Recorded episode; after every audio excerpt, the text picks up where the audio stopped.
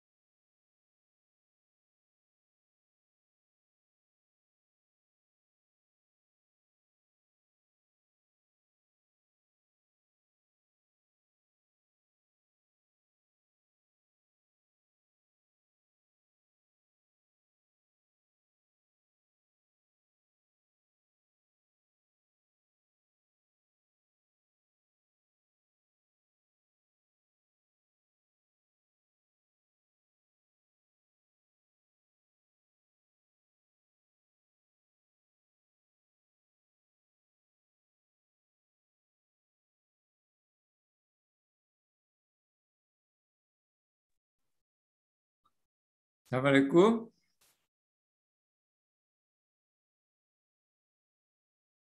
Halo. Assalamualaikum, Prof. Salam. Ah, Selamat datang. Saya mohon izin ke belakang dulu barusan baru selesai kuliah ya. Oh, Mohon izin dulu ya sebentar ya.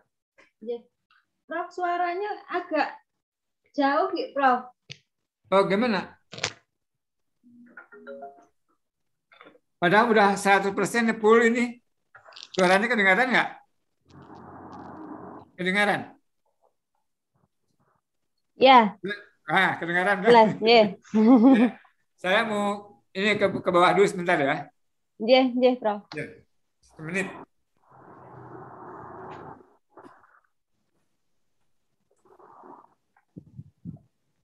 Halo, Bu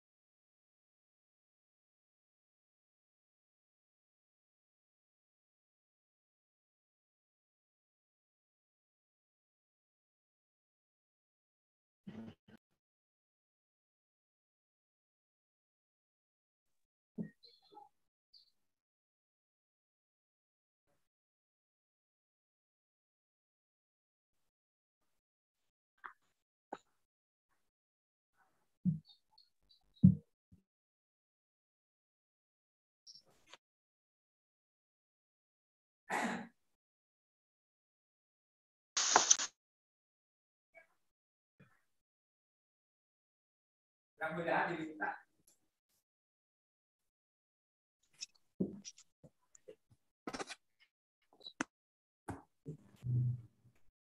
Ya, Assalamualaikum. Aduh, mohon maaf. Ini sudah banyak yang hadir. Waalaikumsalam, Prof. Assalamualaikum. Yang hadir siapa aja, Bu? Ada eh, sudah wakil 40 dekan, Prof. berapa ini? Eh, mahasiswa saja. Mahasiswa ada guru, ada dosen, Alumni, Alumni, J, ya. Alhamdulillah. Iya, ada alumni dengan harapan nanti mereka berminat untuk melanjutkan studi, Prof. Oh iya, nanti saya akan eh, bujuk supaya kalau S2 kan banyak ya di UNES ada, UNJ ada, UM, ada kan. UPI, J. Kalau mau ke Bandung, monggo lah. Hmm. Eh, Sugeng Sugeng rawuh ke Bandung. Iya. Kang ngomong ini saya sedang seriawan ini jadi kurang ini duh agak pedih ngomongnya. Nah ini ibu ya, eh, Iya, ibu semuanya bapak-bapak, akang-akang, mas-mas ya bukan akang di sini ya, mbak-mbak. Gimana kalau kita mulai saja bu ya? Iya. Prof. Bu Ana, Nah, ya. Ya, ini sudah 51 yang Oh, hadir. iya. Alhamdulillah. Ini sudah- Masih banyak ini, Prof, yang kami Oh admit. belum ya. ini atau kita tunggu? Oke. Mas Iqbal, eh, sambil berproses, ini bisa kita mulai. Ya, Mas Iqbal, Oke. silahkan. Baik, Ibu. Oke.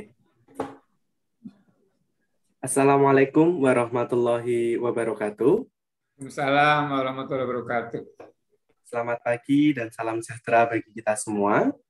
Yang terhormat, Wakil Dekan 1 Fakultas Ilmu Pendidikan Universitas PGRI Semarang, Ibu Mayvita Astri Untari SPD MPD, yang kami hormati Ketua Program Studi Bimbingan dan Konseling Fakultas Ilmu Pendidikan Universitas PGRI Semarang, Bapak Dr. Heri Sapati Ismanto, SPD MPD Kons, yang kami hormati, penanggung jawab aktivitas PKKM untuk kegiatan ngobar Ibu Siti Fitriana, SPD MPD Kons, dan yang kami hormati, narasumber ngobar series 3, Bapak Profesor Dr. Samsu Yusuf, dan segenap peserta ngobar series 3, Laboratorium Bimbingan dan Konseling Fakultas Ilmu Pendidikan Universitas PGRI Semarang yang berbahagia. Puji syukur kehadirat Tuhan Yang Maha Esa, karena berkat rahmat Tuhan dan hidayahnya kita dapat bertemu secara virtual dalam kegiatan ngobar series 3, Laboratorium Bimbingan dan Konseling Fakultas Ilmu Pendidikan Universitas PGRI Semarang dengan tema pengokohan peran pendidikan, bimbingan, dan konseling dalam menghadapi tantangan abad 21.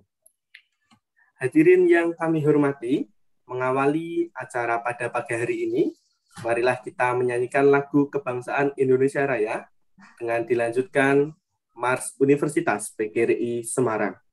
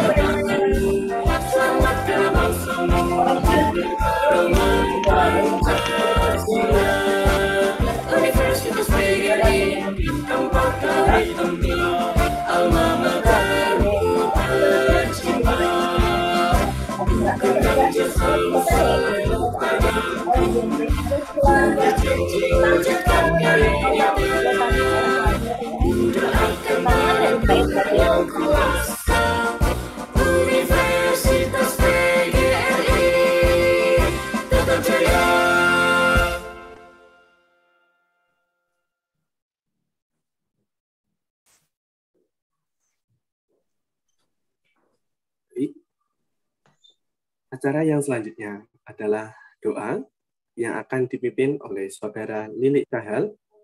Kepada Saudara Lilik Sahal, waktu virtual dipersilahkan. Terima kasih. Bismillahirrahmanirrahim. Bapak Ibu hadirin yang kami hormati, mohon izin saya memimpin doa dengan cara agama Islam. Bagi Bapak Ibu hadirin mohon perkenan untuk menyesuaikan sesuai dengan agama serta keyakinan masing-masing. A'udzu billahi minasyaitonir rajim. Bismillahirrahmanirrahim. Alhamdulillahirabbil alamin, hamdasy syakirin, hamdan na'imin, hamdan yuafi na'amahu wa yukafi'u mazidah. Ya Rabbana lakal hamdu kama yanbaghi li jalalika wajhikal karimi wa 'azimi sultanik. Allahumma salli wa sallim ala sayyidina Muhammad wa ala alihi wa ashabihi ajma'in. Ya Allah, ya Tuhan kami, kami agungkan segala asma kebesaran-Mu karena Engkau dat yang mulia. Kami tadahkan tangan kehadirat-Mu karena Engkaulah dat yang maha mengabulkan segala permohonan hamba-Mu. Pada hari ini, kami hadir bersama dalam kegiatan ngobrol bareng Laboratorium Bimbingan dan Konseling Fakultas Ilmu Pendidikan Universitas PGRI Semarang. Untuk itu, ya Allah, ya Rahman, ya Rahim, jadikanlah acara yang kami laksanakan ini sebagai majelis ilmu yang engkau ridhoi dan membawa barokah, rahmat, taufik, dan hidayahmu. Allahumma ya Allah ya Karim, engkaulah dat yang membolak-balikan hati dan Semoga pertemuan pada pagi hari ini membuahkan hasil yang bermanfaat bagi kami dan masyarakat pada umumnya. Serta sinarilah hati sanubari kami dengan nur hidayahmu. Limpahkan nikmat dan karuniamu agar kami dapat menata hari esok yang lebih baik. Ya Allah, Tuhan yang Maha Agung, tanamkan sifat Rahman dan Rahimmu kepada kami semua. Rasa persatuan dan kesatuan. Rasa kasih sayang ukhuwah Islamiyah di antara kami. Ya Allah, yang Maha Mengetahui, tunjukkanlah kepada kami bahwa yang benar adalah benar dan berikan kepada kami kekuatan dan kemampuan untuk menjalankannya. Serta tunjukkan bahwa yang salah adalah salah dan berikan kepada kami kekuatan dan kemampuan untuk meninggalkannya. Ya Allah, Tuhan yang Maha Pengampun, ampunilah dosa kami, ya Allah. Ampunilah dosa dan kesalahan kedua orang tua kami, serta ampunilah dosa dan kesalahan para guru, serta pemimpin-pemimpin kami. Terimalah doa dan permohonan kami. Rabbana atina fid dunya hasanah wa fil akhirati hasanah wa qina adzabannar. Subhana rabbika rabbil izzati amma yasifun wa salamun alal mursalin walhamdulillahi rabbil alamin.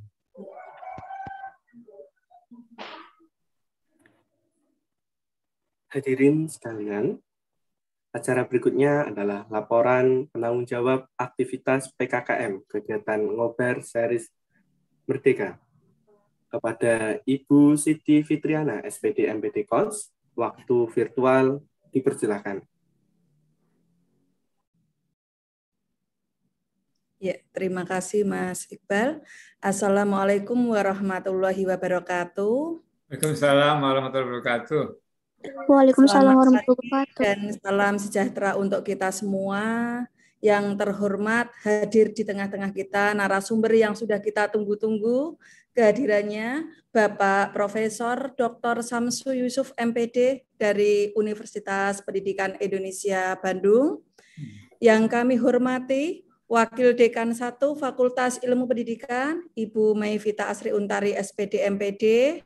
Yang kami hormati pengawas kegiatan program kompetisi kampus Merdeka dari Universitas PGRI Semarang, Bapak Dr. Sumarno MPD, yang kami hormati Bapak Kaprodi dan Sekretaris Program Studi Prodi Bimbingan dan Konseling Fakultas Ilmu Pendidikan Universitas PGRI Semarang yang kami hormati Bapak Ibu dosen Prodi BK Ugris yang pada kesempatan hari ini bergabung bersama-sama dengan kita semuanya dan tentu saja para peserta ngobar series 3 spesial Merdeka eh, dengan tema pengokohan peran pendidikan, bimbingan dan konseling dalam menghadapi tantangan abad 21 yang berbahagia. Pertama-tama marilah kita panjatkan puji syukur kehadirat Allah Subhanahu wa taala karena pada pagi hari yang cerah ini kita semuanya dapat berkumpul di room virtual eh, di majelis yang hebat ini dan alhamdulillah ini saya lihat di eh, Zoom-nya sudah penuh full 100 eh, peserta yang hadir bersama-sama dengan kita semuanya dan selebihnya kami memfasilitasi dalam bentuk live YouTube. Jadi teman-teman yang eh, memang belum berkesempatan bergabung di eh, Zoom meeting ini bisa eh, melalui live YouTube. Kami ucapkan selamat datang Profesor Dr. Samsu Yusuf. Ya, terima di- kasih. Ya. Universitas PGRI Semarang, khususnya di program studi bimbingan dan konseling. Terima kasih saya ucapkan kepada Bu Dini Rahmawati yang memfasilitasi, ya, yang menghubungkan narah hubung, yang alhamdulillah pada hari ini eh, tidak berlangsung lama pembicaraan kita ya sekitar Iya. eh, satu minggu, tapi Prof. Samsu Yusuf begitu eh, apa terbuka eh, menerima kerjasama yang kami tawarkan, termasuk nanti setelah ini Prof. Samsu Yusuf juga eh, berkenan ya menjadi dosen tamu, dosen Oh, di iya. Prodi. Universitas Semarang, semakin mengokohkan, semakin meningkatkan kualitas mahasiswa kami. Ini para mahasiswa insya sudah menunggu nggih, kehadiran Prof. Samsu Yusuf eh, dan juga eh, Bapak Ibu lain yang nanti eh, bergabung bersama Prodi BK FIPUKWIS. Eh, kami mohonkan izin eh, pada hari ini Bu Dekan FIP eh, tidak bisa hadir secara langsung di virtual ini karena bersamaan ada agenda lain yang nanti akan membuka kegiatan ini adalah Ibu Wakil Dekan 1 FIP. Dan eh, terima kasih saya ucapkan kepada para peserta yang sudah bergabung dengan harapan nanti eh, teman-teman semuanya khususnya yang eh, akan lulus nanti eh, berkeinginan ya memiliki minat yang tinggi selain eh, menempuh karir ya di dalam pekerjaan juga pendidikan atau studi lanjut ke jenjang lebih tinggi menjadi alternatif pilihan untuk eh, lebih meningkatkan lagi eh, kualitas teman-teman semuanya. Kegiatan ngobar spesial eh, Merdeka Series 3 ini dilakukan dalam rangka serangkaian kegiatan program kompetisi Kampus Merdeka yang alhamdulillah kami Prodi BK FIP Ugris mendapatkan hibah dan kegiatan ngobar ini kami juga alhamdulillah setiap eh, bulan kita agendakan dan selalu berlangsung terus-menerus dan dengan harapan hari ini juga eh, bisa berlangsung dengan lancar. Terima kasih kami ucapkan dan eh, kita menunggu ini eh, apa namanya di eh, materi ya yang sangat menarik ya dan nanti bisa memberikan bekal kepada kita semua khususnya juga teman-teman dosen yang saat ini juga masih menempuh studi lanjut bagaimana nanti mungkin Prof. Samsu memberikan tips kepada kami semuanya, termasuk saya ya, untuk bisa menyelesaikan Yeah. tepat waktu dan juga eh, ya dengan enjoy menjalani studi lanjut eh, ke jenjang yang lebih tinggi. Iya. Itu harapan kami semuanya, Prof. Para peserta yang hadir di room virtual ini, kurang lebihnya mohon maaf. eh, kami dari segenap panitia jika ada hal-hal yang kurang berkenan dalam eh, penyelenggaraan kegiatan ngobar series eh, 3 ini. Dengan demikian kami akhiri dan nanti mohon izin Ibu Wakil Dekan 1 VIP bisa membuka kegiatan ini. Demikian kami akhiri eh, Bapak Ibu semuanya hadirin yang berbahagia pada hari ini. Wabillahi taufik wal hidayah. Wassalamualaikum warahmatullahi wabarakatuh. Waalaikumsalam warahmatullahi wabarakatuh. warahmatullahi wabarakatuh. Terima kasih. Acara yang selanjutnya adalah sambutan dari Wakil Dekan 1 Fakultas Ilmu Pendidikan Universitas PGRI Semarang sekaligus membuka acara series tiga kali ini. Kepada yang terhormat Ibu Mei Vita Asri Untari, SPD MPD, waktu virtual disilakan. Ya, terima kasih. Assalamualaikum warahmatullahi wabarakatuh. Waalaikumsalam warahmatullahi wabarakatuh. Selamat pagi, salam sejahtera untuk kita semuanya. Yang terhormat eh, narasumber ngobar spesial Merdeka seri 3, ini ada Prof. Dr. Samsul Yusuf. Matur nuwun Prof sudah berkenan Ya, sama-sama, Bu. Ya. waktu. Terima Ini kasih. adalah guru besar dari UPI dan nanti juga akan membantu di program studi BK gitu ya menguatkan. Nah, katakan yang kami hormati Wakil Dekan 2 sekaligus koordinator program kompetisi Kampus Merdeka untuk prodi eh, BK. Yang kami hormati tim pelaksana dan tim pengawas PKKM Universitas PGRI Semarang. Ini hadir Pak Marno, Bapak Dr. Marno. Terima kasih Pak Marno kerawuhannya. Yang saya hormati, ini ada Kaprodi, Pak Heri, Sekprodi, Pak Set, serta Kaleb Dufarika. Bapak Ibu dosen BK Ogris, ini ya Bu Dini, terima kasih sudah rawuh jauh-jauh ya Bu Dini ya. Kita tetap bisa ketemu. Ke teman-teman yang ada di lab BK, serta panitia, dan peserta ngobar spesial Merdeka, ini ya series 3, yang eh, saya banggakan. Ucap syukur kehadirat Allah Subhanahu wa taala yang telah melimpahkan rahmatnya serta hidayahnya kepada kita semuanya sehingga kita bisa berkumpul secara virtual ini ya dalam kegiatan ngobar ngobrol bareng spesial Merdeka ini ya series 3 ini temanya pengokohan peran pendidikan terutama untuk bimbingan dan konseling dalam menghadapi tantangan abad 21 ini. Nah, eh, ini sangat tepat dengan kondisi saat ini gitu ya karena memang abad 21 dengan generasi Z-nya ini dihadapkan dengan berbagai tantangan dan eh, eh, ujian itu ya terutama yang optimal. Jadi di sini eh, mereka-mereka yang bisa tangguh, mereka yang bisa menghadapi gitu ya, memiliki kemampuan dan penyesuaian diri yang baik, ini yang akan bertahan. Terutama pada masa pandemi ditambah lagi dengan masa pandemi seperti ini. Dan eh, ini tidak terjadi pada hanya di siswa, peserta didik, tapi juga di mahasiswa. Sehingga eh, di sini eh, peran bimbingan dan konseling ini sangat eh, dibutuhkan gitu ya. Bagaimana eh, cara kita bisa menanggulangi dengan bimbingan yang tepat karena memang mau- kita memiliki tantangan yang jauh lebih berat daripada generasi-generasi yang sebelumnya.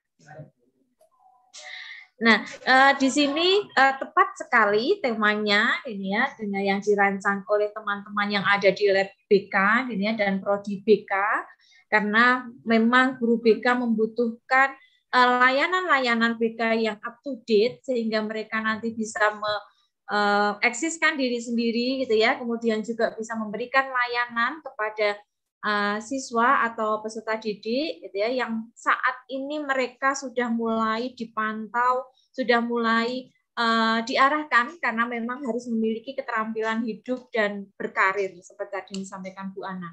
Jadi life and career skills gitu ya, mereka membutuhkan fleksibilitas dan adaptabilitas yang tinggi, inisiatif dan bagaimana mengatur diri sendiri, interaksi sosial antar budaya, kemudian produktivitas, kepemimpinan serta tanggung jawab yang eh, selama ini mungkin selama pandemi tidak mereka dapatkan secara optimal. Karena pembelajaran juga tidak ketemu langsung gitu ya mau membetulkan sikap itu eh, susah gitu. Maka eh, ini telah hadir. Terima kasih prodi BK dan lab yang sudah memfasilitasi menghadirkan pakar. Ini Prof. Samsu Yusuf. Nanti mohon arahan dan eh, sharing materi yang nanti bisa digunakan oleh teman-teman yang ada di eh, sini untuk bisa kita memahami, kemudian mengembangkan serta membantu peserta didik atau eh, mahasiswa di sini untuk kita mengenali potensi karir yang kita miliki,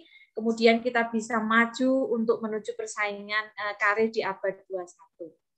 Itu tentunya Amin. memang eh, hal-hal yang bisa disampaikan nanti bisa diterapkan dalam kehidupan sehingga nanti eh, bisa tetap eh, bertahan dalam kondisi apa pun gitu. Oke, dengan eh, mengucapkan Bismillahirrahmanirrahim, maka eh, ngobar ngobrol bareng spesial Merdeka series 3 eh, dengan tema pengokohan peran pendidikan, bimbingan dan konseling dalam menghadapi tantangan abad 21 hari ini tanggal 16 September 2021 saya nyatakan resmi dimulai. Semoga Allah Subhanahu wa taala selalu melimpahkan rahmatnya dan selalu memberikan keberkahan untuk kita semuanya. Terima Amin, kasih. amin.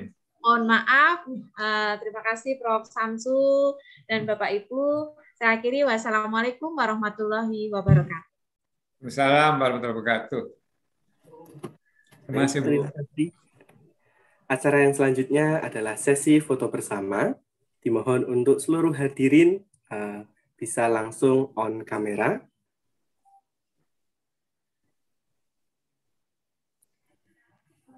Baik, saya akan pandu untuk foto bersama virtual pada kali ini. Satu, dua, tiga. Oke, slide selanjutnya.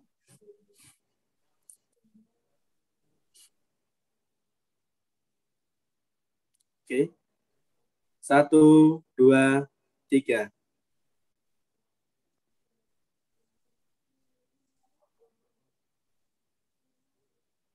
Oke. Slide selanjutnya. Satu, dua, tiga. Baik. Terima kasih. Oh, satu lagi ternyata, teman-teman. Oke. Slide terakhir. Satu, dua, tiga. Oke, terima kasih kami sampaikan. Hadirin yang kami hormati, demikianlah pembukaan ngoper series 3 kali ini. Saya akhiri, selamat mengikuti ngoper series Merdeka 3. Kurang lebihnya mohon maaf. Wassalamualaikum warahmatullahi wabarakatuh. Waalaikumsalam warahmatullahi wabarakatuh. Waalaikumsalam warahmatullahi wabarakatuh. Ya, kita akan simak bersama kegiatan ngobrol series 3 Lab BK Ugris dengan tema pengokohan peran pendidikan, bimbingan, dan konseling dalam menghadapi tantangan abad 21 yang akan dipandu langsung oleh Ibu Dr. Dini Rahmawati MPD, dosen bimbingan dan konseling Universitas PGRI Semarang. Kepada Ibu Dr. Dini Rahmawati, waktu virtual disilahkan. Terima kasih, Mas Iqbal. Assalamualaikum warahmatullahi wabarakatuh. Waalaikumsalam warahmatullahi wabarakatuh. Selamat pagi, Prof. Samsu, Bu. Mei, Bu Ana, Pak Marno, dan seluruh Bapak Ibu dosen, serta seluruh peserta baik yang ada di Zoom maupun di kanal YouTube. Salam sehat, bahagia, dan sukses. Bapak dan Ibu, perkembangan teknologi, terutama dalam bidang informasi dan komunikasi pada abad 21, telah memberikan pengaruh yang signifikan bagi pelayanan bimbingan dan konseling di Indonesia. Saat ini, kita berada pada era kompetitif yang semakin ketat.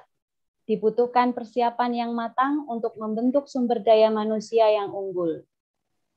Ini menjadi tantangan yang cukup berat, mengingat permasalahan siswa saat ini semakin kompleks. Hal ini dikemas dalam tema seminar eh, kegiatan ngobar, pengokohan peranan pendidikan, bimbingan, dan konseling dalam menghadapi tantangan abad 21 yang akan disampaikan oleh Profesor Dr. Samsu Yusuf.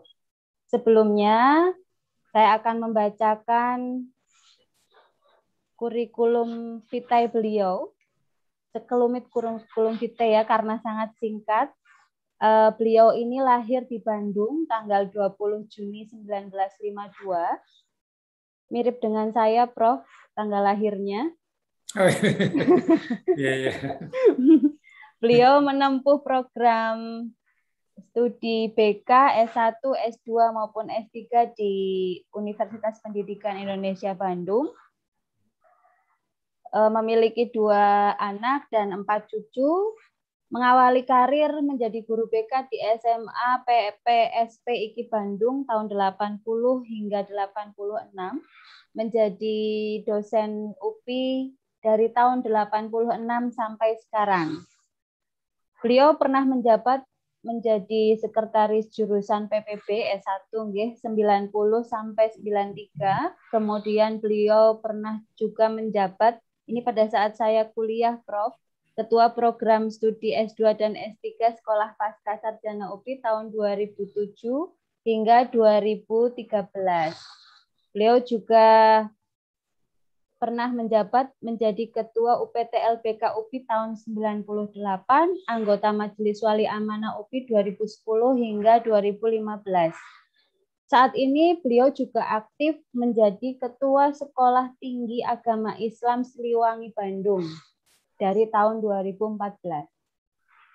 Mengenai karya, karya beliau sudah sangat banyak dan banyak yang fenomenal ya, seperti BK komprehensif dan kawan-kawannya. Saya rasa kalau disebutkan di sini nanti waktunya habis untuk saya bacakan eh, karya-karya beliau. Langsung saja, Prof, kepada yeah. Bapak Profesor Dr. Samsu Yusuf, kami persilahkan. Uh, Bismillahirrahmanirrahim. Assalamualaikum warahmatullahi wabarakatuh. Waalaikumsalam warahmatullahi wabarakatuh. Alhamdulillahirrahmanirrahim. Wassalatu wassalamu ala ashabi salin wa ala alihi wa ajmain. Uh, pertama-tama kita panjatkan puji syukur kepada Allah bahwa pada siang hari ini saya dapat bersilaturahim untuk ngobrol bersama dengan Bapak dan Ibu semua. Dan sebelumnya saya mengucapkan banyak terima kasih kepada eh, pimpinan Fakultas Ilmu Pendidikan, eh, pimpinan program studi bimbingan dan konseling yang eh, Universitas PGRI Semarang yang telah memberikan kesempatan kepada saya untuk ngobrol ya bukan ceramah ya, ngobrol ya. Sebab mungkin saja apa yang saya sampaikan itu sudah bosan ya, sudah dipelajari, sudah saya di sini adalah mungkin ini ajang silaturahim gitu ya, ajang silaturahim. Uh, terutama saya merasa bangga uh, kepada para mahasiswa yang hadir dan juga ibu bapak guru BK yang menjadi peserta pada hari ini. Jadi saya mohon maaf tidak uh, berkunjung ke sana, tidak datang ke sana ya. Sebab saya tidak diundang ke sana gitu. Karena memang sekarang ini adalah masa darurat ya. Uh, saya uh, kalau dulu kan kita tuh uh, secara face to terbuka gitu. Jadi saya sekarang merasa jenuh juga memberikan kuliah secara virtual ini ya. Di UPI itu dari awal sampai akhir itu otomatis tidak ada eh, kuliah tetap muka di kelas gitu ya.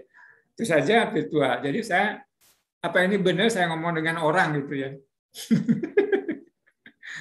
Jadi dengan virtual itu memang ada beberapa hal yang secara kebatinan tuh hilang gitu ya. Jadi menurut saya ini eh, gimana ya kurang-kurang apa ya secara sebagai guru lah gitu ya Eh, karena apalagi dalam pendidikan karakter atau akhlak gitu ya. Kalau spiritual ini kan gimana itu ya. Kemudian uh, untuk uh, pendidikan vokasi gitu ya. Kalau mana uh, dosen mengajar nyuntik gitu ya ke perawat secara virtual kan itu juga gimana. ya banyak hal kekurangan-kekurangan kelemahan-kelemahan yang virtual ini. Meskipun dalam banyak hal kita bisa banyak keuntungan ya. Sebab ini kita bisa uh, apa ceramah, bisa ngajar, meskipun kita saya di sawah, saya saya di sawah ya, di belakang itu sawah semua. eh, nanti kalau ibu dan bapak ke saya, nanti saya akan jalan ke sawah itu ya. Ini eh, karena begini Bu, Bandung itu kan sudah habis sawahnya ya. Padahal ini habitat saya waktu kecil. Jadi saya rindu ke masa, ke masa lalu ya. Makanya saya sawah itu saya bawa ke rumah gitu. Jadi di belakang rumah ini adalah eh, eh, untuk mengobati rindu saya ke masa lalu lah gitu. Ibu dan Bapak semua, eh, karena ini ngobrol jadi santai saja ya. Eh, saya diberi waktu sampai jam 12.40 gitu ya. Jadi eh, dan saya mohon maaf karena memang eh, saya masih ada masalah ini kalau duduk itu karena saya di sudah apa dianalisis diagnosis oleh dokter dan sudah di ronsen juga sudah apa MRI apa namanya gitu ya itu ada saraf kejepit jadi saya eh, berapa bulan tuh saya tidak bisa apa duduk. Jadi saya harus berbaring gitu ya. Sekarang ini memang sampai sekarang sudah mungkin berjalan satu tahun gitu ya. Saya masih rawat jalan gitu. Jadi mudah-mudahan saya berduduk di sini eh, itu saya tidak eh, mengganggu apa yang saya alami itu ya. Mudah-mudahan kita sehat semua lah. Sehat-sehat, Prof. ya amin. Eh, izin saya mau share screen ya Oke. Insya Allah. Untuk pemaparan 60 menit maksimal nggih, Prof. 60 menit ya Maksimal nggih. maksimal ya. Jadi sekarang jam berapa nih? Jam 10.33 jadi jam sampai jam 11.30-an ya? 30 nggih. Oh, iya. Setelah itu Tanya saya jawab. leave. ya, ya. Ya, Iya. terima kasih. Eh, saya dikasih kesempatan untuk ini ya. Tidak terlalu lama ya. Ini tidak kelihatan, eh, mungkin fotonya eh, saya hilangkan dulu ya. Eh, mungkin terlalu mahasiswa, ini ada mahasiswa eh, kelihatan? Halo? Kelihatan, Prof. Oh, ini Kelihatan. perwakilan mahasiswa ya? Iya. Semester Teman-teman- berapa, eh, Mbak? Semester berapa? Semester 3, Prof. Alhamdulillah, ya. Alhamdulillah. Oh iya ya. Eh iya ya, sebentar. Nah, eh, eh, Bapak dan Ibu yang terhormat, mudah-mudahan Ibu Dekan itu tidak ada ya, saya malu kalau bisa. Eh, para mahasiswa ini semuanya untuk mungkin semua mahasiswa lah ya. Jadi eh, ada tantangan yang kita hadapi ya dalam terutama pendidikan karakter ya. Dan ini eh, pendidikan kalau tantangan bagi pendidikan ya include di sana adalah bimbingan dan konseling. Jadi bagaimana kita membangun karakter atau akhlak mulia para siswa di masa depan, itu ternyata kita dihadapkan dengan berbagai persoalan yang sampai sekarang ini menjadi problematika kebangsaan gitu ya. Eh, kita melihat ke kiri dulu ya, sudah. Halo. Halo, halo. Iya, Prof. Eh, ini ada suara anak-anak masuk. Iya. Iya. Eh, mohon Bapak Ibu peserta di mute. Eh, iya, iya. Nah, Ya. sudah tidak ada sekarang ya. Eh, kita paham bahwa mungkin eh, apa ya eh, dalam mata kuliah apa ini dibahas, ya, terutama dalam mata kuliah kesehatan mental ya. Kan di di program kuliah kan ada mata kuliah kesehatan mental ya. Halo? Ada, Prof. Ada ya. Eh, saya kebetulan alhamdulillah sudah menerbitkan buku kesehatan mental itu. Dan ini dibahas sekali. Eh, saya menampilkan ini eh, bukan untuk apa-apa, tapi ini adalah menjadi perhatian kita bersama bahwa eh, ya di samping banyak anak-anak yang baik-baik ya, tetapi eh, banyak juga anak-anak yang terpapar eh, perilaku yang dikali semora atau gejala gangguan mental. Eh, dan ini termasuk orang dewasa sebenarnya. Ada cobalah dilihat kita negara yang menurut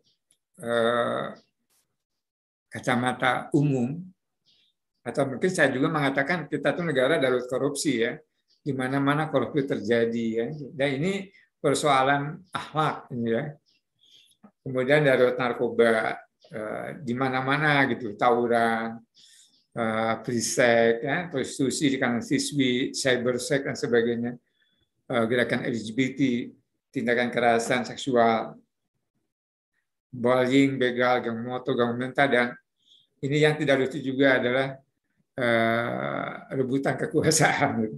Dan itu terjadi terutama para mahasiswa ini adalah ada faktor penyebabnya ya. Di antaranya uh, siswa banyak masalah siswa yang dibawa dari rumah. Rumahnya seperti apa? Yaitu adalah yang terutama adalah keluarga yang broken home. Di Bandung pernah ada penelitian anak-anak yang geng motor di Bandung itu ternyata mereka itu paradigma adalah uh, broken home ya uh, berasal dari keluarga broken home. Ini implikasinya kepada BK program BK adalah bahwa sangat penting ada mata kuliah bimbingan dan konseling keluarga gitu, bimbingan dan konseling pernikahan atau pranikah.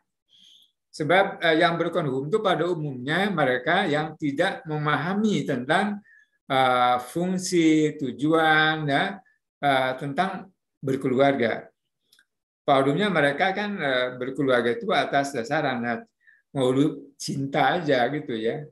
Dan apalagi sekarang banyak uh, dekadensi dalam bidang uh, pernikahan dini ya.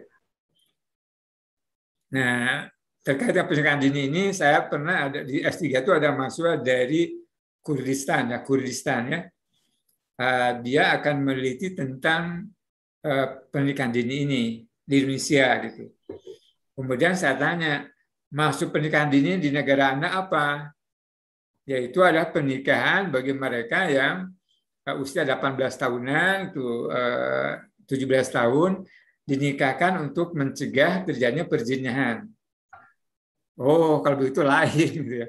Kalau di Indonesia pernikahan dini itu adalah pernikahan yang terpaksa dinikahkan karena mereka sudah melakukan hubungan suami istri sebelum nikah dan juga banyak uh, yang uh, punya anak gitu ya.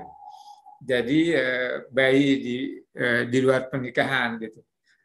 Uh, jadi akhirnya dia tidak jadi uh, pernikahan di Indonesia itu Uh, rusak moral ya, nah, itu uh, tayangan di bebas perjuangan antar kontrasepsi ya. Uh, cobalah kalau mahasiswa membeli kondom ke apotek itu tidak akan ditanya itu kenapa gitu. Dan dulu saya melihat ada uh, tukang jamu ibu-ibu ya, mbak-mbak tukang jamu itu juga menjual kondom gitu ya. Waktu saya tanya, ini siapa pembelinya mbak? Ya banyak juga di siswa dan mahasiswa katanya. Nah ini untuk apa ya? Apakah kondom itu untuk perlombaan balon-balonan gitu untuk apa gitu ya? Ini kan persoalan ya. Kemudian minuman keras dan sebagainya. Banyak persoalannya. Dan kemudian adalah tantangan uh, global ya, terutama adalah uh, tadi menurut Ibu Dr. Dini ya, tentang perkembangan ilmu teknologi dan informatika ya, yang begitu masif kepada kita. Jadi kita ini sekarang memang dikuasai oleh ahli-ahli teknologi ya. Kita manut ya. Dan banyak memang banyak manfaat teknologi itu ya. Kita sekarang saja kita bisa meskipun saya tidak datang ke Semarang tapi saya bisa berkomunikasi dengan Bapak dan Ibu itu adalah dampak atau masalah dari teknologi ini kan. Kita bisa ngobrol bersama, bisa virtual meskipun kita tidak bertetap muka. Ini dampak teknologi yang jawab nih. kan kemudian eh, tantangan era masa ekonomi ASEAN ini juga ini tantangan sebab kita ini dalam bidang eh, kualitas tenaga kerjaan kita eh, berada dalam level keempat dan setelah Malaysia, Singapura dan Thailand gitu ya. Nah ini tantangan besar bagi pendidik. Ya. Uh, dulu tahun berapa itu uh, 70 persen uh, tenaga kerja itu masih lulusan SD ya. Dan ini sangat memprihatinkan kalau lulusan SD perlunya jadi apa keluar ah, jadi pembantu lah kayak sekarang kan, pembantu di mana-mana. Tapi kalau Filipina eh, mengirim ke Timur Tengah dan sebagainya, itu adalah lulusan D3, ya, perawat gitu ya, eh, S1. gitu. Jadi ditempatkan dalam eh, dunia kerja yang tidak terlalu apa ya, ya terhormat lah gitu ya. Maka kita juga eh, kita bagaimana mendorong masyarakat kita untuk berpendidikan lebih tinggi ya dari SD ya. Nah kemudian yang paling ini juga ya ini hasil renungan mutalubis ya bahwa masyarakat kita itu eh, banyak memiliki rasa negatif ya. Kayaknya melekat kata itu ya. Kurang bertanggung jawab atau apa eh, hipo- hipokrit ya. Munafik ya. Ilmunya banyak dari janji ya. Janji-janji tapi dia tidak terpenuhi gitu ya. Masih percaya tahayul di antara itu. Dulu ada fenomena ponari ya anak kecil yang banyak ditanya orang untuk eh, kayak dukun lah gitu ya.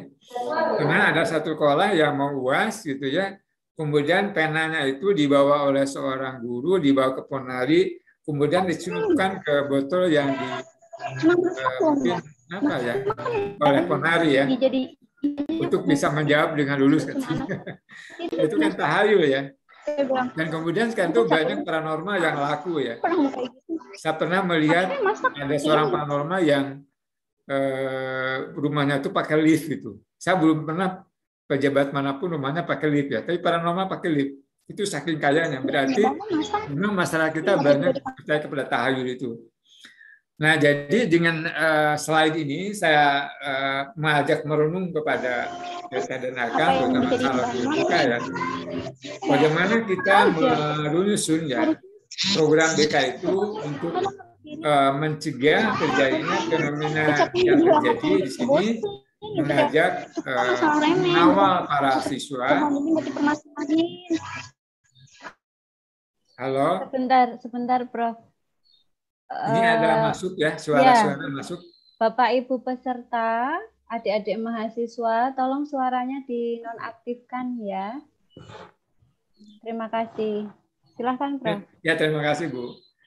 Ya, bagaimana kita dengan mulai layanan eh, klasik, ilmu klasikal, kelompok, kemudian mungkin kalau dengan orang tua dengan parenting skill kan itu ya, eh, kita bagaimana mengawal para siswa itu untuk menjalin kehidupan itu dalam eh, koridor yang benar, ya, yang rasional gitu, tidak eh, macam-macam. Ya.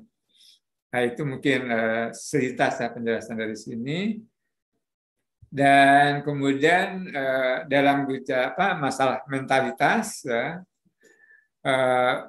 tidak sedikit remaja yang mengalami gangguan perasaan dan gangguan perilaku ya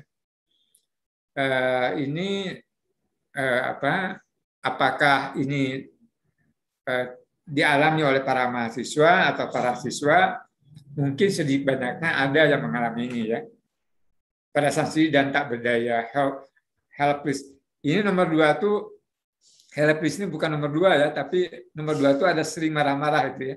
Sering marah-marah atau bereaksi berlebihan, perasaan tak berharga, perasaan takut, cemas, cemas terhadap masa depan ya.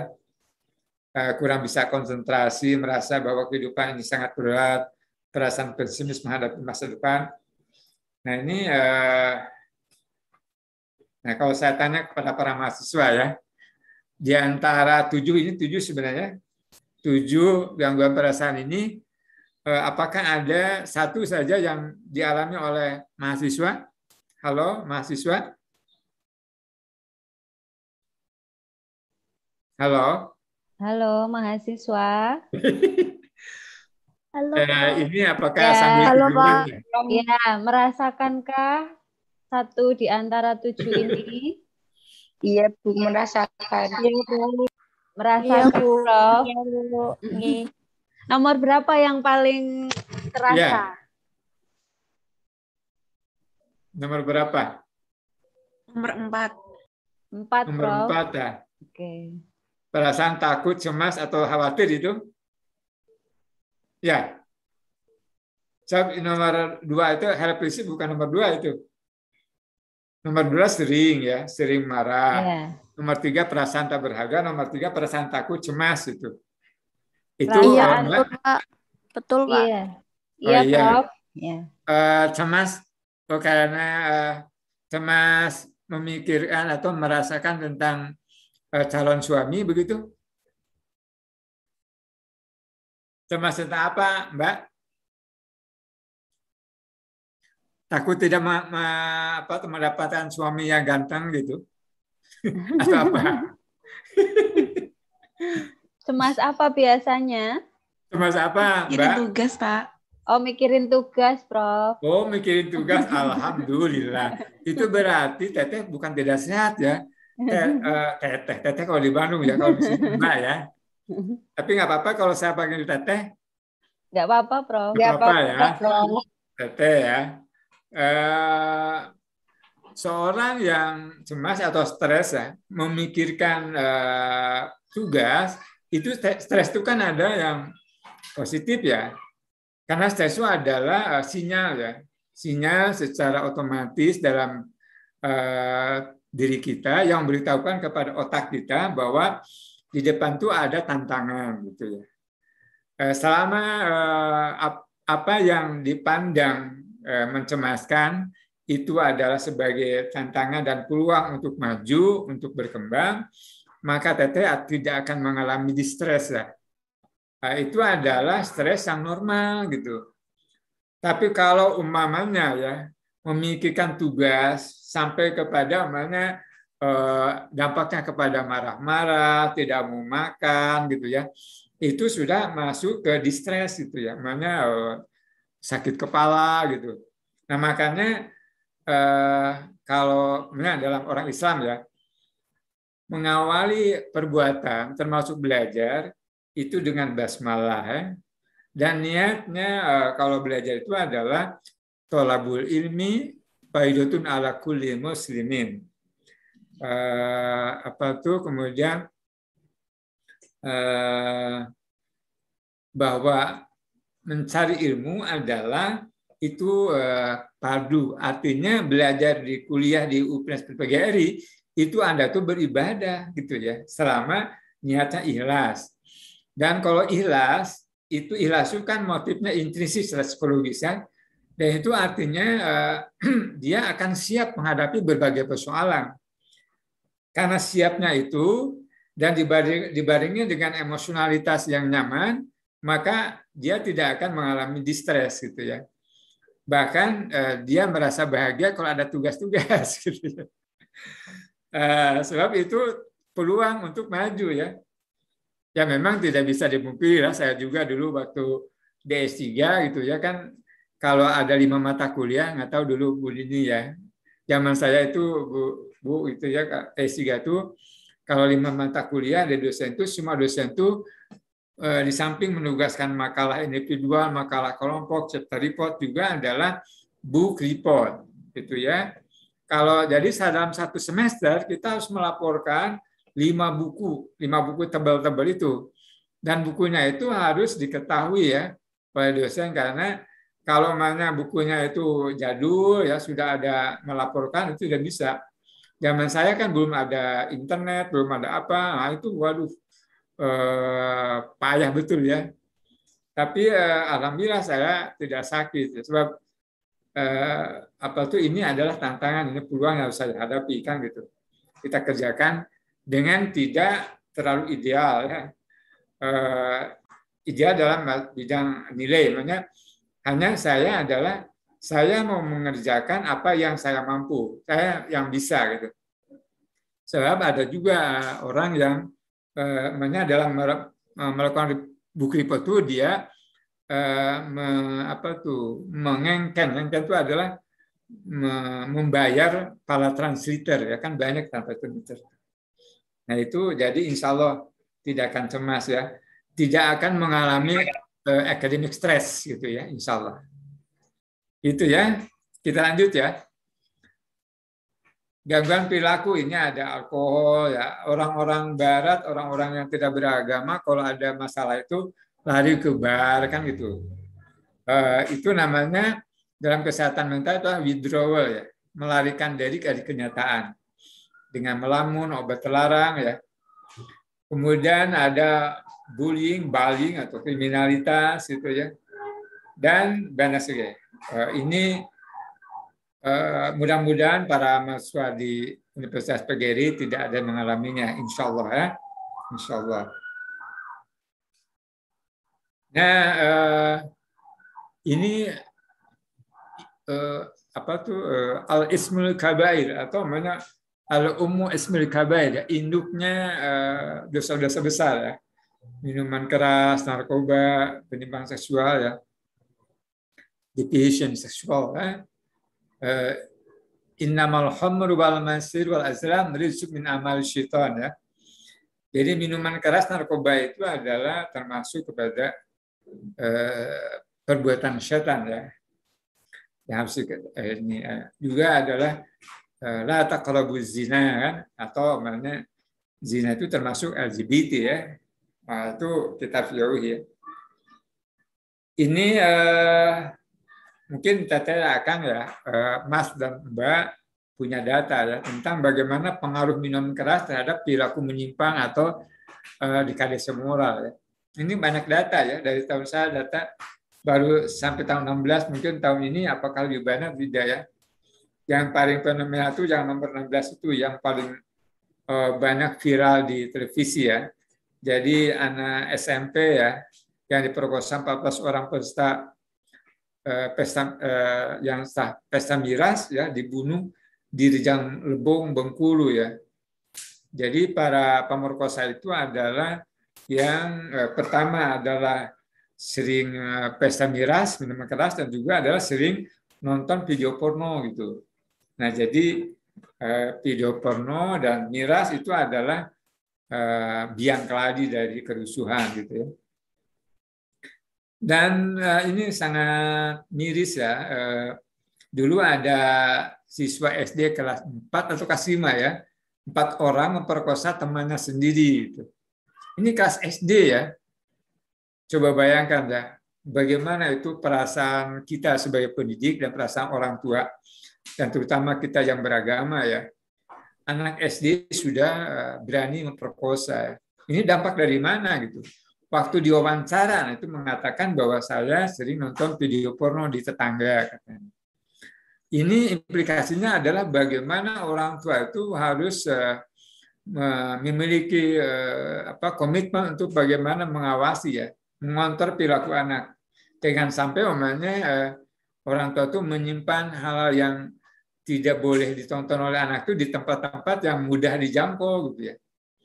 Eh, makanya eh, anak itu harus eh, orang tua itu harus banyak berkomunikasi, ngobrol ya. Insya Allah kalau di keluarga namanya ditanamkan diri agama, alat yang baik, kemudian anak itu disayangi, dicintai ya, banyak ngobrol, persoalan-persoalan sekolahnya, itu biasanya adalah anak itu merasa disayangi ya. Dan eh, saya melihat bahwa anak yang sudah merasa tertarik kasih sayang orang tuanya, maka dia akan memfilter dirinya untuk melakukan sesuatu yang tidak baik gitu ya. Dan secepat anak itu merasa di reject ya, merasa kurang diperhatikan, merasa kurang disayangi orang tua, maka itulah yang mudah terbujuk rayu oleh teman-temannya berbuat yang tidak baik. Makanya kita sangat menghimbau ya kepada pemerintah gitu ya jangan sampai uh, miras itu ada di mana-mana ada di warung, di toko gitu ya.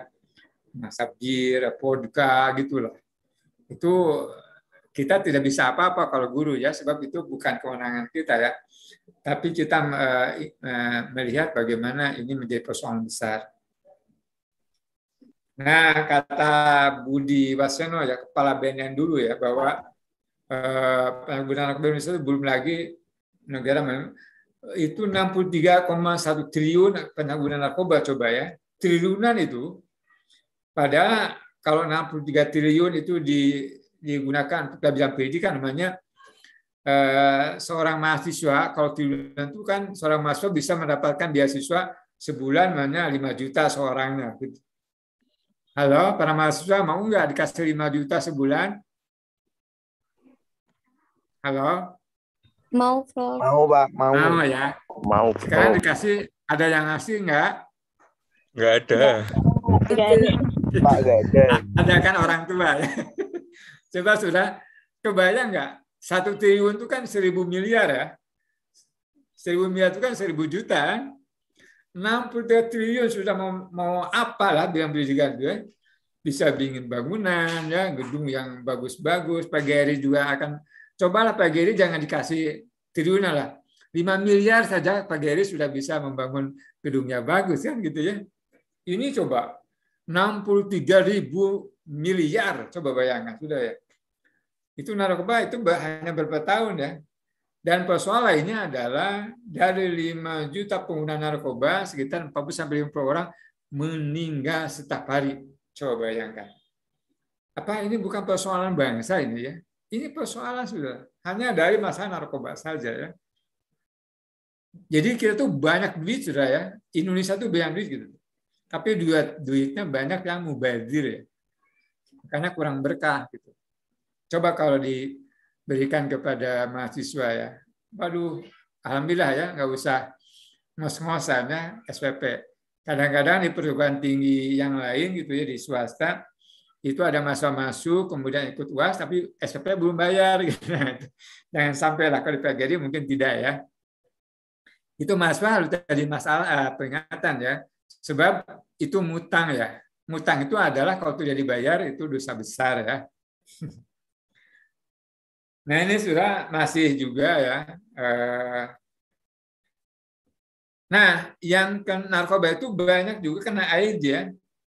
Jadi pada usia 15 sampai 17 tahun jadi 15 itu SMP, SMA, mahasiswa ya. Ini ya Allah yang kena AIDS itu dan itu belum ada obatnya ya. Belum ada obatnya AIDS itu sampai sekarang ya.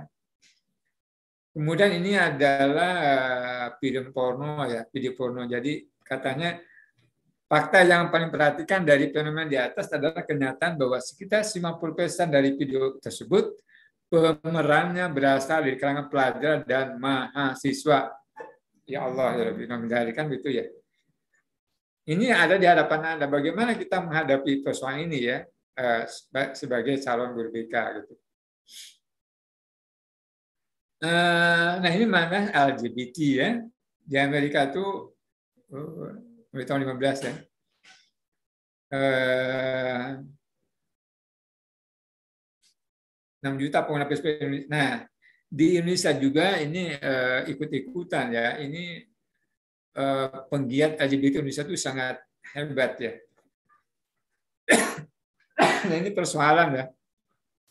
Sebab ini adalah merabrak pertama adalah budaya ketimuran kita, yang kedua adalah agama ya. Kalau agama ini kan masuk ke perilaku yang sangat diharamkan. Ini adalah perbuatan eh, apa kaum Sodomi ya, kaum Nabi Lut alaihissalam yang lalu dihancurkan. Dan sekarang ini memang makin masif ini LGBT di Indonesia ya, karena memang tidak dilarang gitu ya. Nah kita bagaimana ini menghadapinya ya?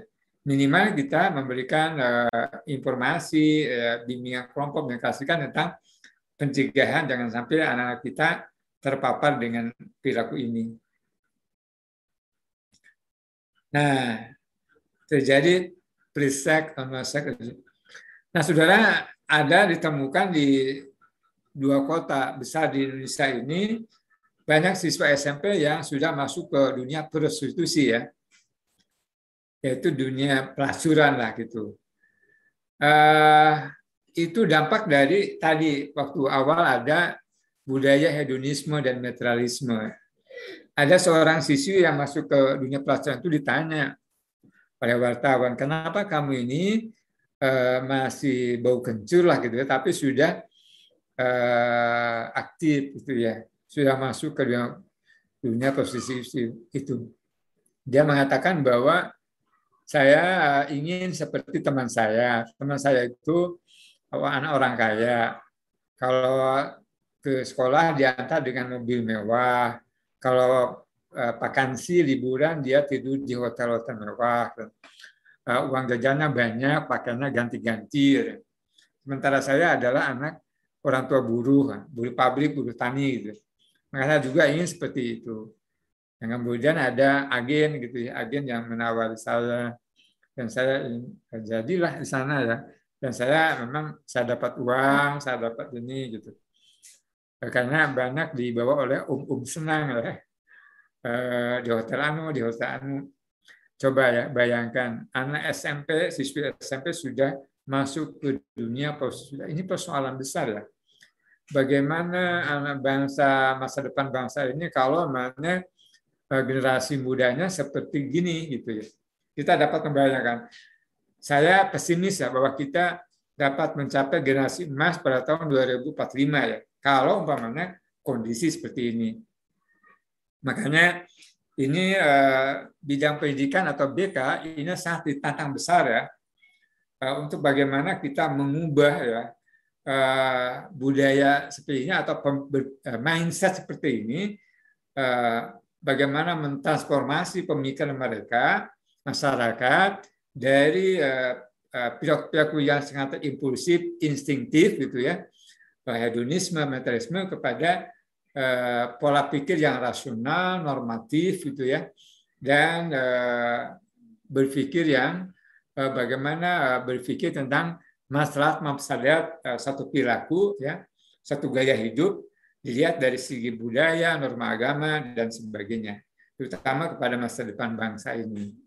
Dan itu adalah mentransformasi budaya kehidupan bangsa dari minat dulu mati ilan nur, menghijrahkan ya, jadi BK itu adalah menghijrahkan orang gitu ya dari uh, uh, kondisi yang uh, kurang baik kepada kondisi yang lebih baik gitu ya.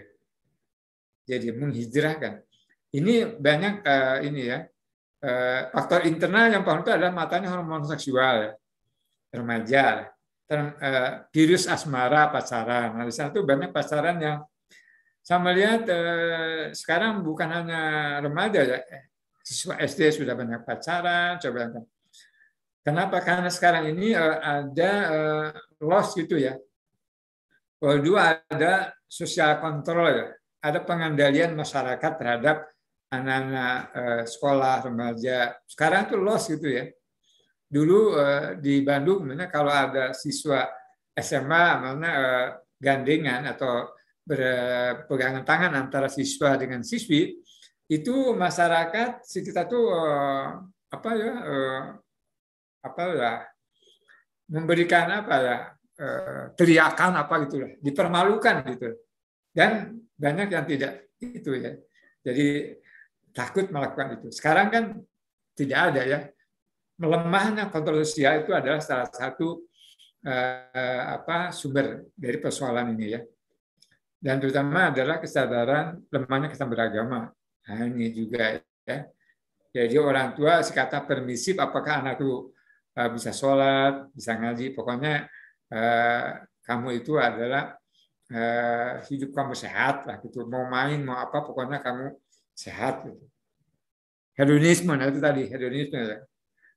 Pleasure principle. Hidup ini ada pokoknya senang, nikmat. Apakah halal, haram, boleh, tidak boleh.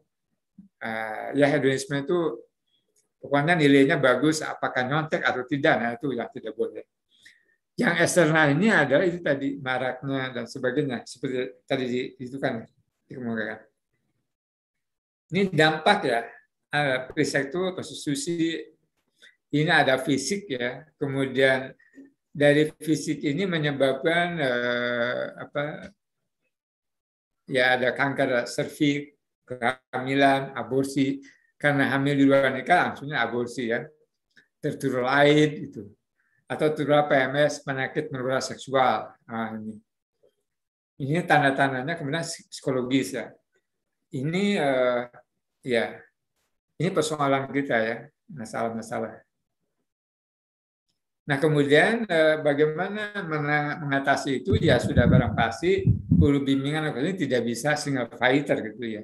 Jadi Eh, banyak pihak yang harus terkait, yang terkait stakeholder yang harus seirama, sebahasa untuk bagaimana mengawal proses ini eh, ke arah eh, hidup yang benar dan baik. Jadi dari mulai keluarga ya, bangunlah keluarga, makanya bagusnya di untuk mahasiswa, ibu bapak dosen atau ibu bapak pimpinan prodi ya, ada bimbingan pranikah untuk mahasiswa itu. Jadi bagaimana eh, membicarakan tentang hak dan kewajiban suami istri, bagaimana mengasuh anak, bagaimana mengolah keluarga, mengolah keuangan dan sebagainya. Sebab sekarang itu banyak eh, persoalan itu karena mereka ketidakpahaman tentang fungsi keluarga, tentang eh, apa ya, pola asuh dan keluarga dan sebagainya. Kemudian sekolah juga bagaimana eh, mempowerfulkan ya fungsi sekolah ya. Masyarakat ini masyarakat ini ya. Masyarakat yang sekarang itu ya permisif itu ya dalam pendidikan. Nah, ini bagaimana eh, ada kerjasama kolaborasi sekolah, keluarga, masyarakat dalam mendidik anak. Sama-sama harus memahami, makanya ada parenting skill atau ada pertemuan dengan orang tua, jadi guru bimbingan dan konsumennya dalam rangka ya tidak hanya terkait dengan uh, fenomena pandemi ya sekarang, tapi juga adalah secara umum uh, orang tua men, uh, guru BK menyelenggarakan parenting skill secara virtual gitu ya. Apakah materinya bisa mendatangkan seorang ahli atau namanya uh, ngobrol atau brainstorming antara guru BK dengan para orang tua di dalam sama-sama mengembangkan, mengawal perkembangan anak ya.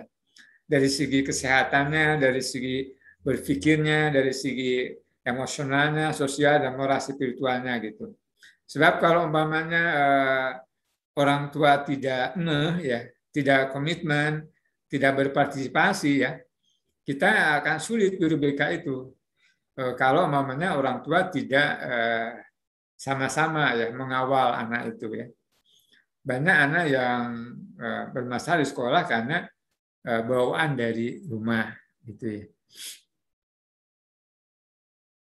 Nah ini, uh, ada dua hal yang mempengaruhi anak dalam keluarga. Ya. Ada keberfungsian keluarga, ada pola asuh uh, keluarga. Ya.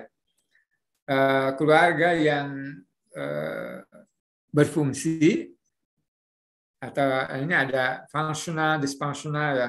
Yang diharapkan adalah bagaimana keluarga kita berfungsi dengan baik.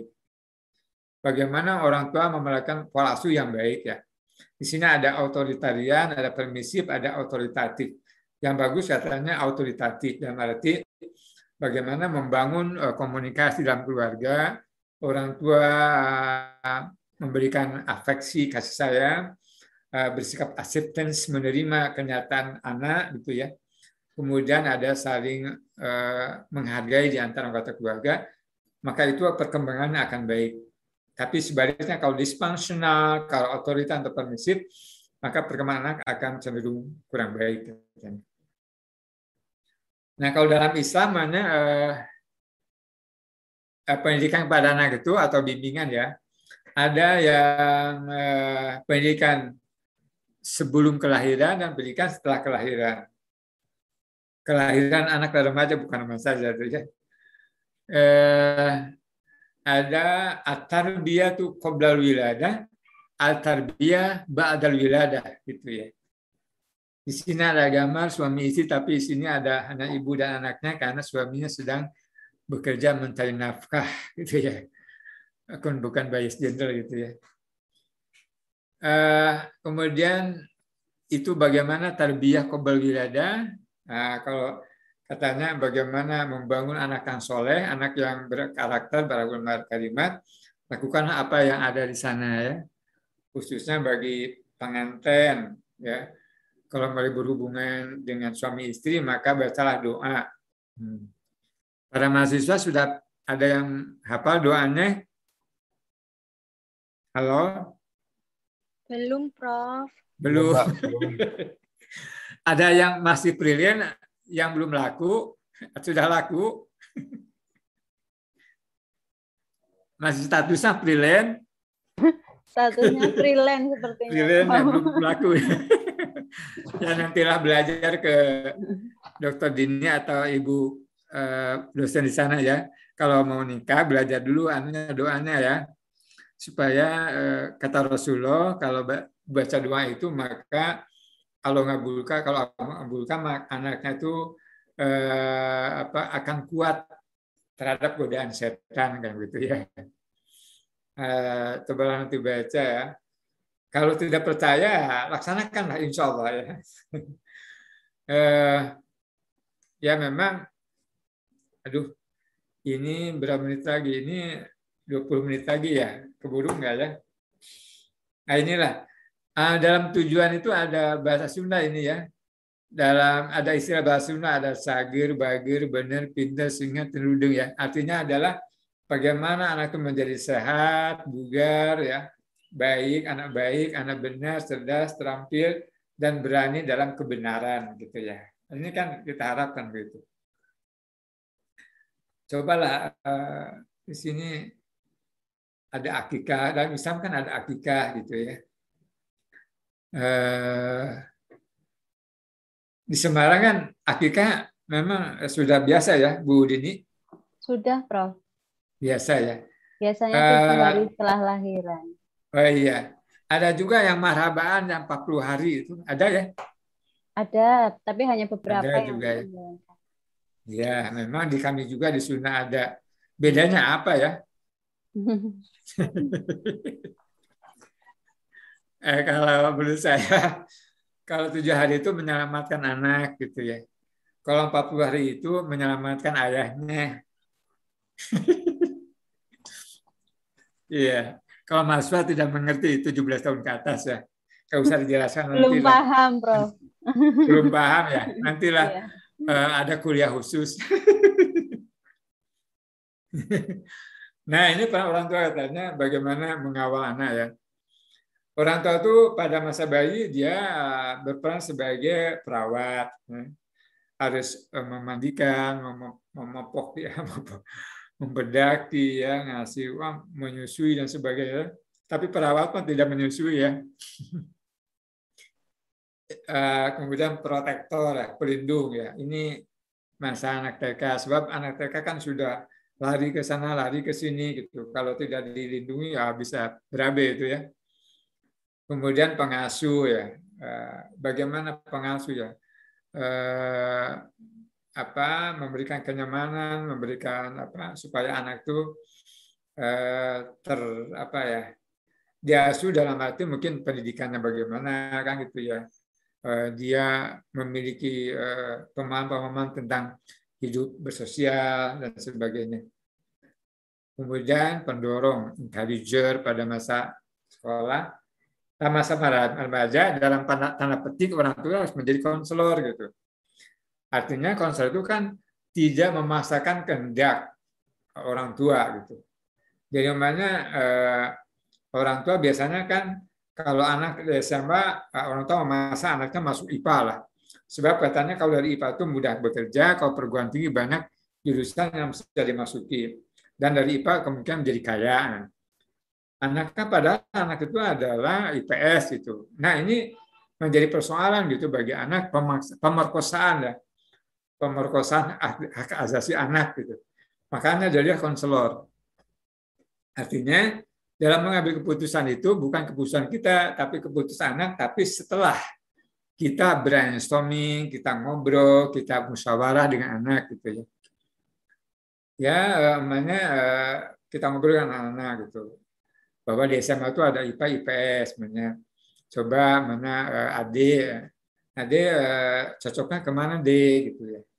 Oh, saya ke IPS, Bu, mana, Bapak gitu atau Mbah gitu ya.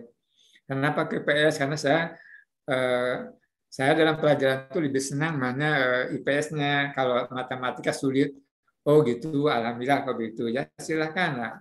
Mama atau bapak mendorong kepada keputusan adik itu. Mudah-mudahan adik belajar dengan baik. Nah gitu ya. Jadi jangan ah kok IPS itu nanti kamu susah cari kerja, nah begitulah.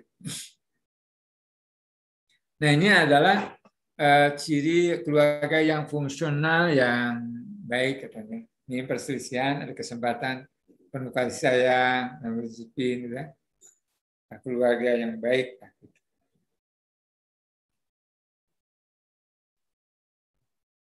Nah ini uh, keluar uh, sekolah kan, uh, sekolah itu ada pimpinan sekolah, guru, konselor. Nah, ini tiga serangkai pendidik di sekolah itu harus memiliki uh, suatu apa ya suatu kesamaan jangan sampai terjadi gara-gara kepala, sekolah yang tidak mau tahu tentang program bimbingan konseling maka layanan bimbingan konseling itu tidak maksimal ya tidak optimal gitu akhirnya guru BK itu hanya melayani anak bermasalah. Akhirnya itulah menjadi cap trademark ya menjadi terjadi apa kecenderungan anak para siswa itu menganggap bahwa memang guru BK itu adalah orang yang melayani nah, siswa yang bermasalah. Akhirnya banyak siswa yang tidak mau datang gitu ya.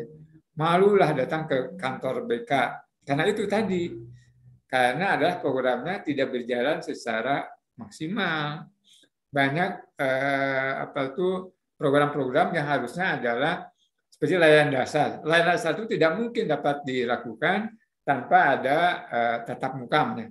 Yang meskipun sekarang bisa ya dengan ruling ya, tapi itu harus uh, melayani ya, semua siswa kan for all itu ya layanan dasar gitu. Nah uh, kalau mana kepala sekolah memiliki pemahaman yang baik tentang BK guru-guru itu maka program di sekolah itu akan terjadi dengan baik. Uh, ini ada apa ya? Ya.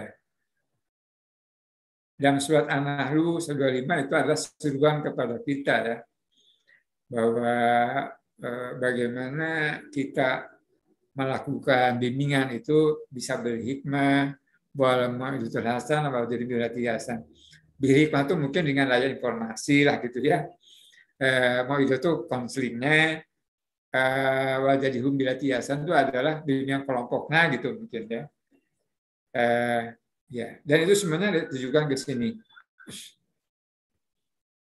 Nah, secara khusus bimbingan konseling itu di sini guru BK, konselor uh, melayani memberikan bimbingan konseling kepada peserta didik remaja, ini remaja aja. Anak dan remaja gitu ya. Itu bisa secara dan daring. Dan guru BK yang efektif itu adalah guru yang memiliki di backup oleh kompetensi yang secara general itu adalah knowledge, skill, personality. Uh, knowledge itu wawasan ya. Jadi uh, bu guru BK itu memiliki wawasan keilmuan tentang bimbingan dan counseling ya. Ada psikologinya, ada measurementnya, statistiknya kan psikologi perkembangan, kepribadian, industri, mana gitu ya, uh, kemudian psikologi umumnya, uh, bimbingan konseling dari mulai filsafat bimbingannya, mulai teori-teori bimbingannya dan sebagainya. Kalau skill itu adalah keterampilan, keterampilan yang sifatnya bagaimana menerapkan tentang berbagai metode atau teknik bimbingan dan konseling, layanan bimbingannya, layanan konselingnya, kemudian skill dalam mengembangkan media bimbingan, skill dalam bidang penerapan teknologi, aplikasi, dan sebagainya. Sekarang itu, teknologi ya. Jadi bagaimana guru menyusun atau membuat aplikasi bimbingan bimbingan dalam bimbingan uh, umum ya. Itu dengan membuat uh, e-guidance, gitu ya. Bimbingan melalui elektronik. Nah, gitu itu eh, ada S3 dulu waktu saya bimbing itu ada yang eh, memberikan eh, bimbingan karir itu melalui aplikasi. Jadi anak itu tinggal klik, anak semuanya dikasih akunnya, websitenya, dan anak itu mudah gitu mengkliknya. Dari mulai perguruan tinggi Indonesia, perguruan tinggi swasta negeri, perguruan tinggi luar negeri, bagian persyaratan masuk ke perguruan tinggi itu, kemudian bidang pekerjaan yang bisa dimasuki yang sesuai dengan program studinya. Wah itu bagus sekali itu. Dan guru BK itu paham bahwa dalam layanan BK itu ada komponen program ya, ada layanan dasarnya, penelitian tujuannya, responsif bukan sistemnya. Kemudian strateginya kan ada large group guidance gitu. Group guidance itu adalah bimbingan dalam skala besar. Umpamanya kalau di sekolah saya pernah eh, berkunjung ke satu sekolah di Tasik di SMK Negeri 2 tidak salah sedang apa tuh eh, penerimaan siswa baru. Nah, itu ada mana sekitar 200-an ya ditempatkan di aula, guru BK dan sekolah satu mengundang para ahli ya. eh, di sana sedang menjelaskan tentang bahaya narkoba dan minuman keras dan prisek. Diundanglah dari kepolisian yang menjelaskan tentang hukum ya, hukum narkoba dan sebagainya eh, secara hukum positif. Kemudian dari dokter dari medisnya menjelaskan tentang dampak itu semua dan dari majlis ulama yang menjelaskan tentang hukum-hukum agama tentang itu semua. Dan itu diberikan uh, dengan resource person ya, large group itu. Jadi banyak siswa. Classroom guidance untuk bidang klasika, semua grup, bidang kelompok, individual counseling, group counseling, competition, case comprehend, itu biasa ya. Dan katanya menurut penelitian bahwa Bimbingan konseling di sekolah itu akan efektif apabila berkolaborasi dengan kepala sekolah, guru mapel, orang tua, dan ahli lain. Apabila tidak ada kolaborasi, ya itu ternyata ya, nih katanya kuranglah kurang efektif. Dan kita eh, dalam membimbing itu eh, eh, kita paham bahwa apa sih ruang lingkup bimbingan itu? Yaitu ruang lingkup terkait dengan pribadi, sosial, akademik, karir. Dan aspek apa yang dikembangkan itu kepribadian sesuatu dari karakter akhlak, eh, diri sendiri, harga diri, pengendalian diri, ekspektasi diri, resiliensi, kemampuan berpikir, well-being, dan sebagainya di sini. Ini adalah aspek-aspek yang akan dikembangkan. Dan kita semuanya eh, dalam bimbingan itu, eh, sana? Kita diharapkan adalah karena filosofi kita itu adalah Pancasila, maka bagaimana sesuatu memiliki karakteristik Pancasila kata ini semua ya eh, yang kita harapkan lah. Taat beragama bertoleransi mereka dinilai kemanusiaan ya.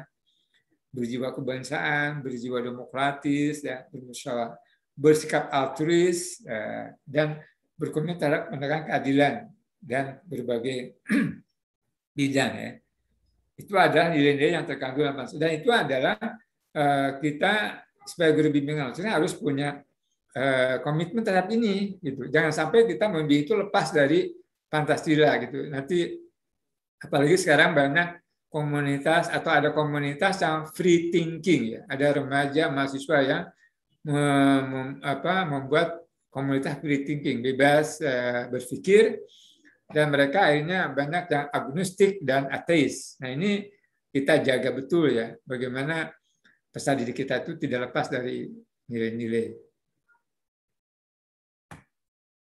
Eh, kenapa ya?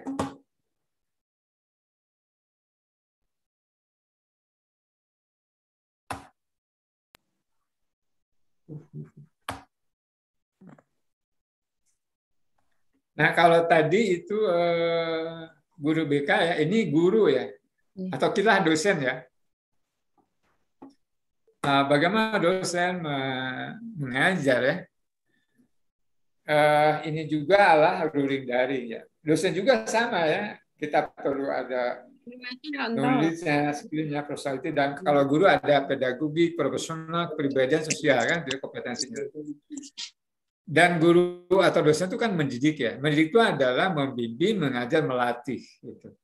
Jadi mendidik itu oh, dulu ada yang mendefinisikan bahwa mengajar itu yang mendidik juga katanya. Padahal mendidik itu adalah eh, bagian besar yang meliputi komponen membimbing, mengajar, melatih ya siswa. Dan ini eh, bagaimana supaya proses pembelajaran itu berhasil, maka dalam pembelajaran itu harus diaktifkan dimensi-dimensi kekuatan siswa gitu dari mulai eh, apa oralnya atau listeningnya, writingnya, drawingnya, motornya, mentalnya, emosionalnya. Jadi eh, apa? Eh, apa? Bahwa anak diajak bicara, anak di eh, apa tuh eh, diajak untuk mendengarkan, aktif mendengarkan, kemudian menuliskan, menggambar, jadi diaktifkan ya. Dan ini ada uh, ilmu yang akan di apa uh, hasil belajar itu dari pengetahuan, keterampilan, sikap berpikiran semua ini. Dan ini semua juga adalah mengarah kepada bagaimana anak itu berkata Pancasila. Jadi guru BK, guru dan semuanya itu adalah akhirnya bagaimana kita membangun para siswa pendidik yang berkarakter Pancasila yang itu ya.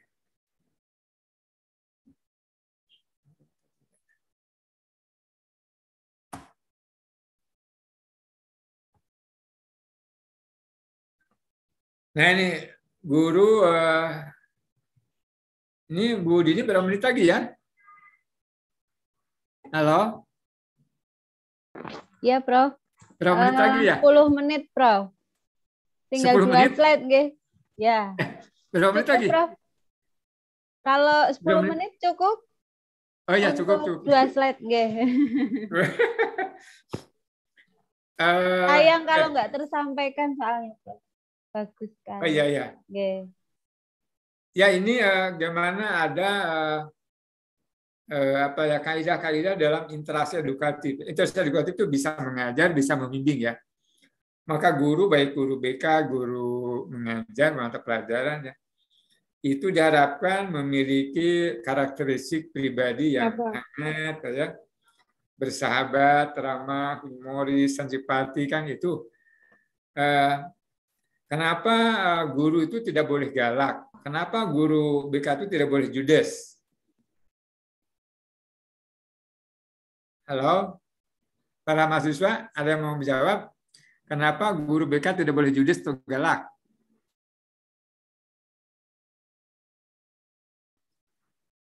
Halo, mahasiswa Iqbal. Coba Iqbal. Ya, sudah pada ngantuk ini, sudah pada ngantuk ini. Siswanya tertekan, Kenapa harus sangat ramah, tidak boleh judes menjawab. galak? Itu ada yang menjawab, Prof. Katanya Nah, nanti siswanya silakan tertekan. kenapa? Silakan, Mbak.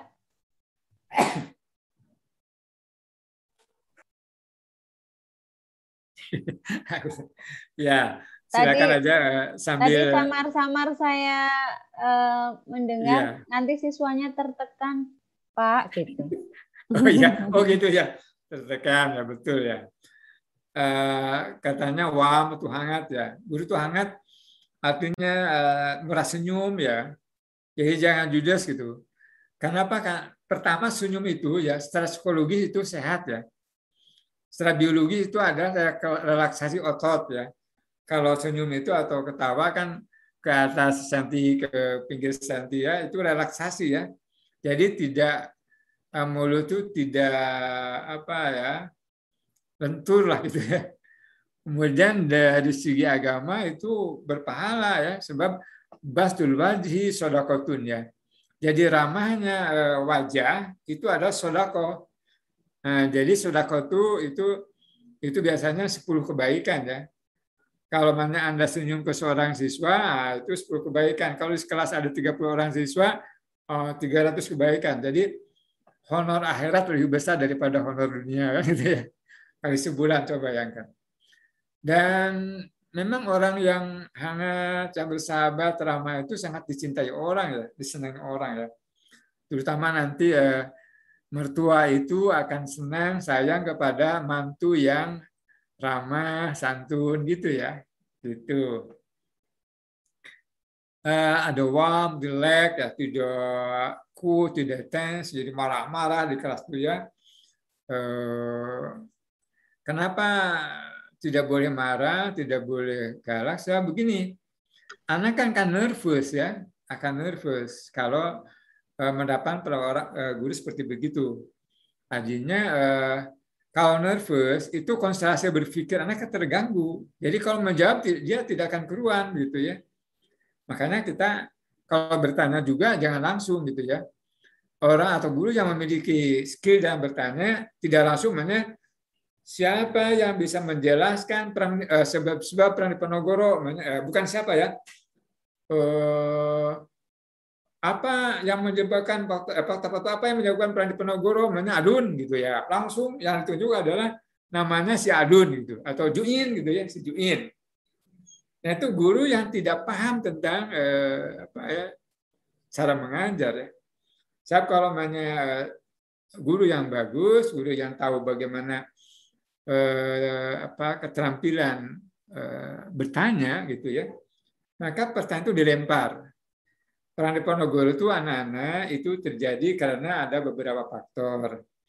Nah, silakan siapa yang bisa menjawab banyak foto-foto tersebut gitu silakan gitu nah itu eh, guru memberikan peluang kesempatan kepada anak untuk berpikir kan gitu ya jadi tidak on the spot atau tidak langsung di di nuklir gitu ya jadi anak eh, punya peluang kesempatan itu adalah uh, relax relax kan anak tuh wah itu dengan bahasa yang santun tidak galak gitu. ya. nah ini terakhir lah pendidikan yang berhasil negara kita atau di mana pun gitu ya itu terjadi karena ada kesepakatan, kesepakatan kesepemahaman apa pun yang terjadi apalagi menghadapi tantangan 2021 ya tantangan teknologi tantangan kompetisi ya tantangan uh, di mana orang itu uh, harus cepat merespon uh, perkembangan gitu ya. Tapi apa pun yang terjadi kita tidak boleh melepaskan dari uh, bahwa di zaman apa pun yang uh, misi utama kita adalah pendidikan itu adalah membangun karakter ya jadi anak yang cerdas, anak yang berkarakter baru karimah, cerdas itu dalam bidang teknologi, cerdas dalam bidang keilmuan, tapi juga berkarakter gitu ya. Sebab eh, kalau kita hanya eh, fokus kepada anak cerdas, mungkin saja dia cerdas tapi umpamanya culas, eh, tidak bisa bekerja keras gitu ya, menipu orang kan itu ya, cari janji gitu namanya. Tapi kita adalah karena kita pendidikan itu adalah bagaimana membangun mengawal perkembangan siswa yang berdimensi bio, psiko, sosio spiritual gitu. Bahwa anak itu memiliki uh, dimensi biologis sehat gitu ya, nutrisinya gitu. Uh, psikologis itu adalah kecerdasannya, emosinya. Sosial adalah manusia adalah manusia sosial, jangan egois, jangan selfish, tapi bagaimana membangun altruisme ya Kemudian manusia juga adalah moral uh, makhluk yang berdimensi moral spiritual atau religiositas agamanya.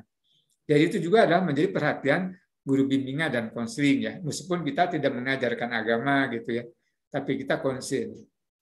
Jadi melalui pemerintah, DPR dan sebagainya ke bawah gitu ya, harus sama-sama membimbing ya. Pemerintah membimbing rakyat seperti apa dan menjadi contoh tauladan bagi generasi muda dalam menerapkan dan mengampar nilai Pancasila dan kehidupan sehari-hari ya. Mengamal ajaran agama, berak mulia, menjadi persaudaraan, membangun keluarga yang harmonis, dan menjauhkan diri dari molimo ya, madon, madat, main, materi, dan maling. Dan sesuai bangsa yang beriman nah, akhirnya. Dan sebagai penutup ya eh, saya akan apa apa ini terkait atau tidak ya, relax aja. Jadi untuk eh, apa icebreaker-nya gitu sebelum nanti tanya jawab ya. Bu Dini boleh saya menyajikan ini? Halo? Boleh, Prof. Boleh. Silakan. Saya tidak tegang ya. Yeah.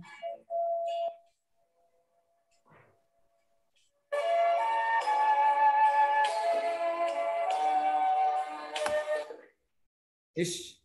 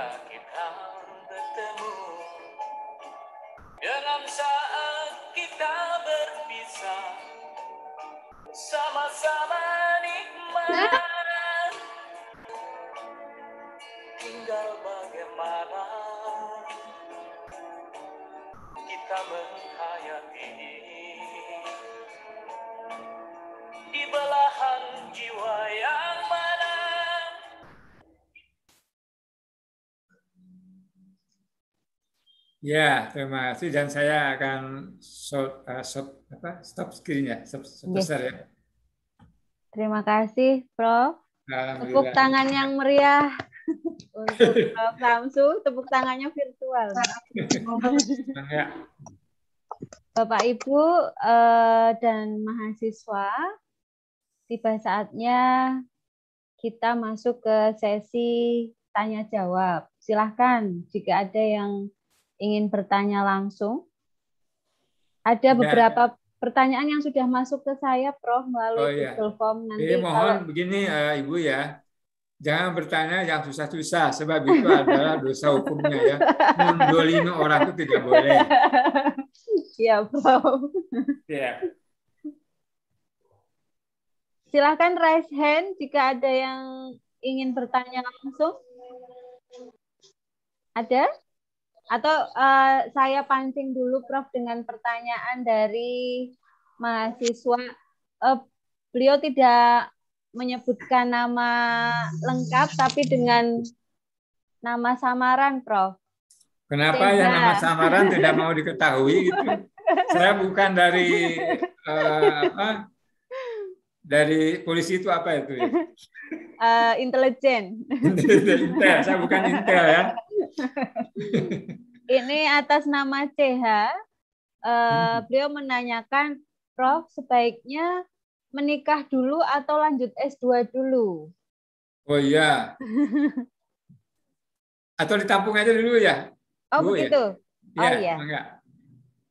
Dua atau tiga atau dua. Kalau Oh, ada baik. yang masih ada nggak? Masih ada, Prof. Ya, berapa lagi? Kemudian yang eh, kedua, sebenarnya apalagi yang harus dipelajari di, di S2? Apakah benar-benar efektif atau hanya untuk mencari gelar? Oh iya. Itu yang kedua. Kemudian Ya. yang ketiga, apa faktor utama penghambat keberhasilan mahasiswa saat studi lanjut S2 dan apa faktor pendukungnya ke- eh, selain biaya? Ya. Saya bacakan semua, Prof. Lima Kenapa dulu, itu, Prof. Atau tiga aja dulu. Oh ya, tiga dulu, nggih. ya, Itu sudah tiga. nikah dulu atau kuliah dulu ya. Ya, D2 gitu ya. ya. Menurut saya bagaimana takdir aja. ada yang mau sudah dari dulu mau nikah tidak nikah nikah ya. Yang ada yang tidak sebenarnya kapan aja nikah eh, ternyata nikah gitu ya. Begini kalau di BK kami ya DS2 memang mungkin yang sudah nikah itu mungkin hanya berapa persen ya? Mungkin 10 persen lah ya. Eh, kecuali S3 ya. Dulu Bu Dini kan di S3 Pak sudah nikah kan? Sampun. Ya, bahkan sudah punya cucu kan kalau di S3 ya. Nah, saya dulu waktu jadi ketua prodi di S2 S3 UPI Bandung ya. Itu eh, yang masuk S2 itu eh, mungkin tadi 10% sudah nikah, yang 50% belum. Tapi Allah nakdirkan gitu ya. Itu S2 di BK kami itu eh, ada yang menikah di semester 3 Hmm. ya.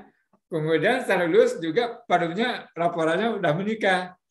Jadi insya Allah ya menikah itu nanti mengikuti kuliah. Jadi kuliah kuliah ya kalau menikah kalau sudah menikah belum tentu bisa kuliah sebab ngurus anak kan. Ya. Ya. Jadi, tapi itu kan takdir ya kalau nikah Mbak ya. Ya. Tapi menurut saya secara rasional gitu ya, kalau namanya teteh dan mbak dan mas belum masih freelance gitu ya, nanti kalau sudah lulus S1 belum laku-laku gitu ya, dan belum belum punya calon dan punya modal ya ada sponsor lebih baik kuliah dulu lah. Kuliah itu kan bisa di UNESA, di UNES, di Malang, di UPI, mungkin di Padang gitu ya. Silakanlah. Kalau mana ingin eh, cuaca dingin di Bandung gitu ya. Ya panas-panas di kita. Begini juga dulu kan ada dingin, ada panas ya. Kalau di rumah saya di Stabudi dingin Bu ya. Ya. Nanti kalau di Bandung kan bisa main ke rumah saya gitu ya, insya Allah. Jadi itu eh, pokoknya pertimbangkanlah ya kalau apa nikah kuliah dulu, terutama keputusan itu adalah diambil setelah berbicara bermusyawarah dengan orang tua gitu ya. Jangan sampai orang tua ditinggalkan atau namanya marah-marah sama orang tua. Aku tidak mau kawin, ya. Mau kuliah. Kata orang tua tuh eh, mbok, eh, mbok, mbak apa namanya? Kalau Mbak. Nduk. Nduk. Do ya. Mm-mm. Makanya bukan papa, mama tidak mau memulihkan kamu, tapi kan makanya untuk kehidupan sehari-hari juga begini. Gimana kalau kamu makanya kerja dulu, nanti kalau kerja nabung, silakan kuliah gitu ya. Nggak mau, ah nggak mau, ah itu anak kurang ajar itu ya. Jadi tidak eh, itu adalah uqul walidain. Itu dosa besar adalah orang yang tidak berbuat baik atau berakhlak jelek kepada orang tua. Jadi musyawarah orang tua, kata orang tua, ya emang kan kuliah kecuali mana oh mama nggak apa-apa eh, karena eh, endo atau adik dapat beasiswa kan gitu ya. Hmm. Orang tuanya oh welcome itu ya silakan. Kemudian yang kedua tadi itu apa ya lupa lagi. Eh, apa sih yang dipelajari di S2? Oh iya Dan itu tuh sebetulnya hanya untuk mencari gelar saja atau Oh iya, tergantung ada... niat ya. Ya. Tergantung niat. Kalau hanya untuk mencari gelar, itu akan stres kuliah di S2 tuh. Dan tidak akan efektif belajarnya, hasilnya pun apalagi ya. Tapi kalau niatnya itu ikhlas, intrinsik gitu ya, eh, mau mendalami wawasan, mau belajar lebih bagus lagi gitu ya, insya Allah itu S2 akan efektif ya, tergantung kepada niat. Niatnya apakah mau belajar atau mau gelar gitu ya, beda itu ya. Jadi belajarlah. Kemudian yang ketiga, apa tadi teh? Yang ketiga Ah, berpengaruh, berpengaruh Ya, yang menghambat keberhasilan mahasiswa Oh. studi lanjut itu apa? Faktor utamanya, kemudian yang mendukung apa selain biaya, Prof? Oh iya. Ya memang mendukung nama Haba itu ada dua ya, faktor internal dan eksternal kan gitu ya. Internal kan aspek niat tadi kan, motivasi belajarnya, kemudian kemampuan nalarnya kan itu ya. Kemudian eh, komitmen untuk eh, mengambil risiko ya. Sebab kalau kuliah itu risikonya eh, harus kuliah kan, harus membuat tugas kan, harus mana internship, harus praktek, harus macam-macam kan itu itu adalah eh, komitmen untuk dapat mengambil risiko ya, menerima risiko kuliah itu. Jadi sambil ikhlas, kemudian memiliki kemampuan dan komitmen terhadap risiko kan itu ya. Dan bersabar lah gitu. Dan punya optimisme dalam hidup ini ya. Kemudian yang eksternal memang biaya ya. Kemarin itu waktu di S3 eh, Bu Dini dan Ibu dan Bapak ya, ada awalnya ada 14 orang gitu yang eh, daftar ke S3. Tapi kemudian yang tersaring itu hanya 10 orang karena yang empat orang itu ternyata LPDP-nya tidak keluar. Dan melukan diri gitu ya. Nah, setelah mulai kuliah ini ya, yang daftar ke LPDP itu dapat. Nah, sekarang masuk lagi itu. Jadi alhamdulillah ada berapa orang ya?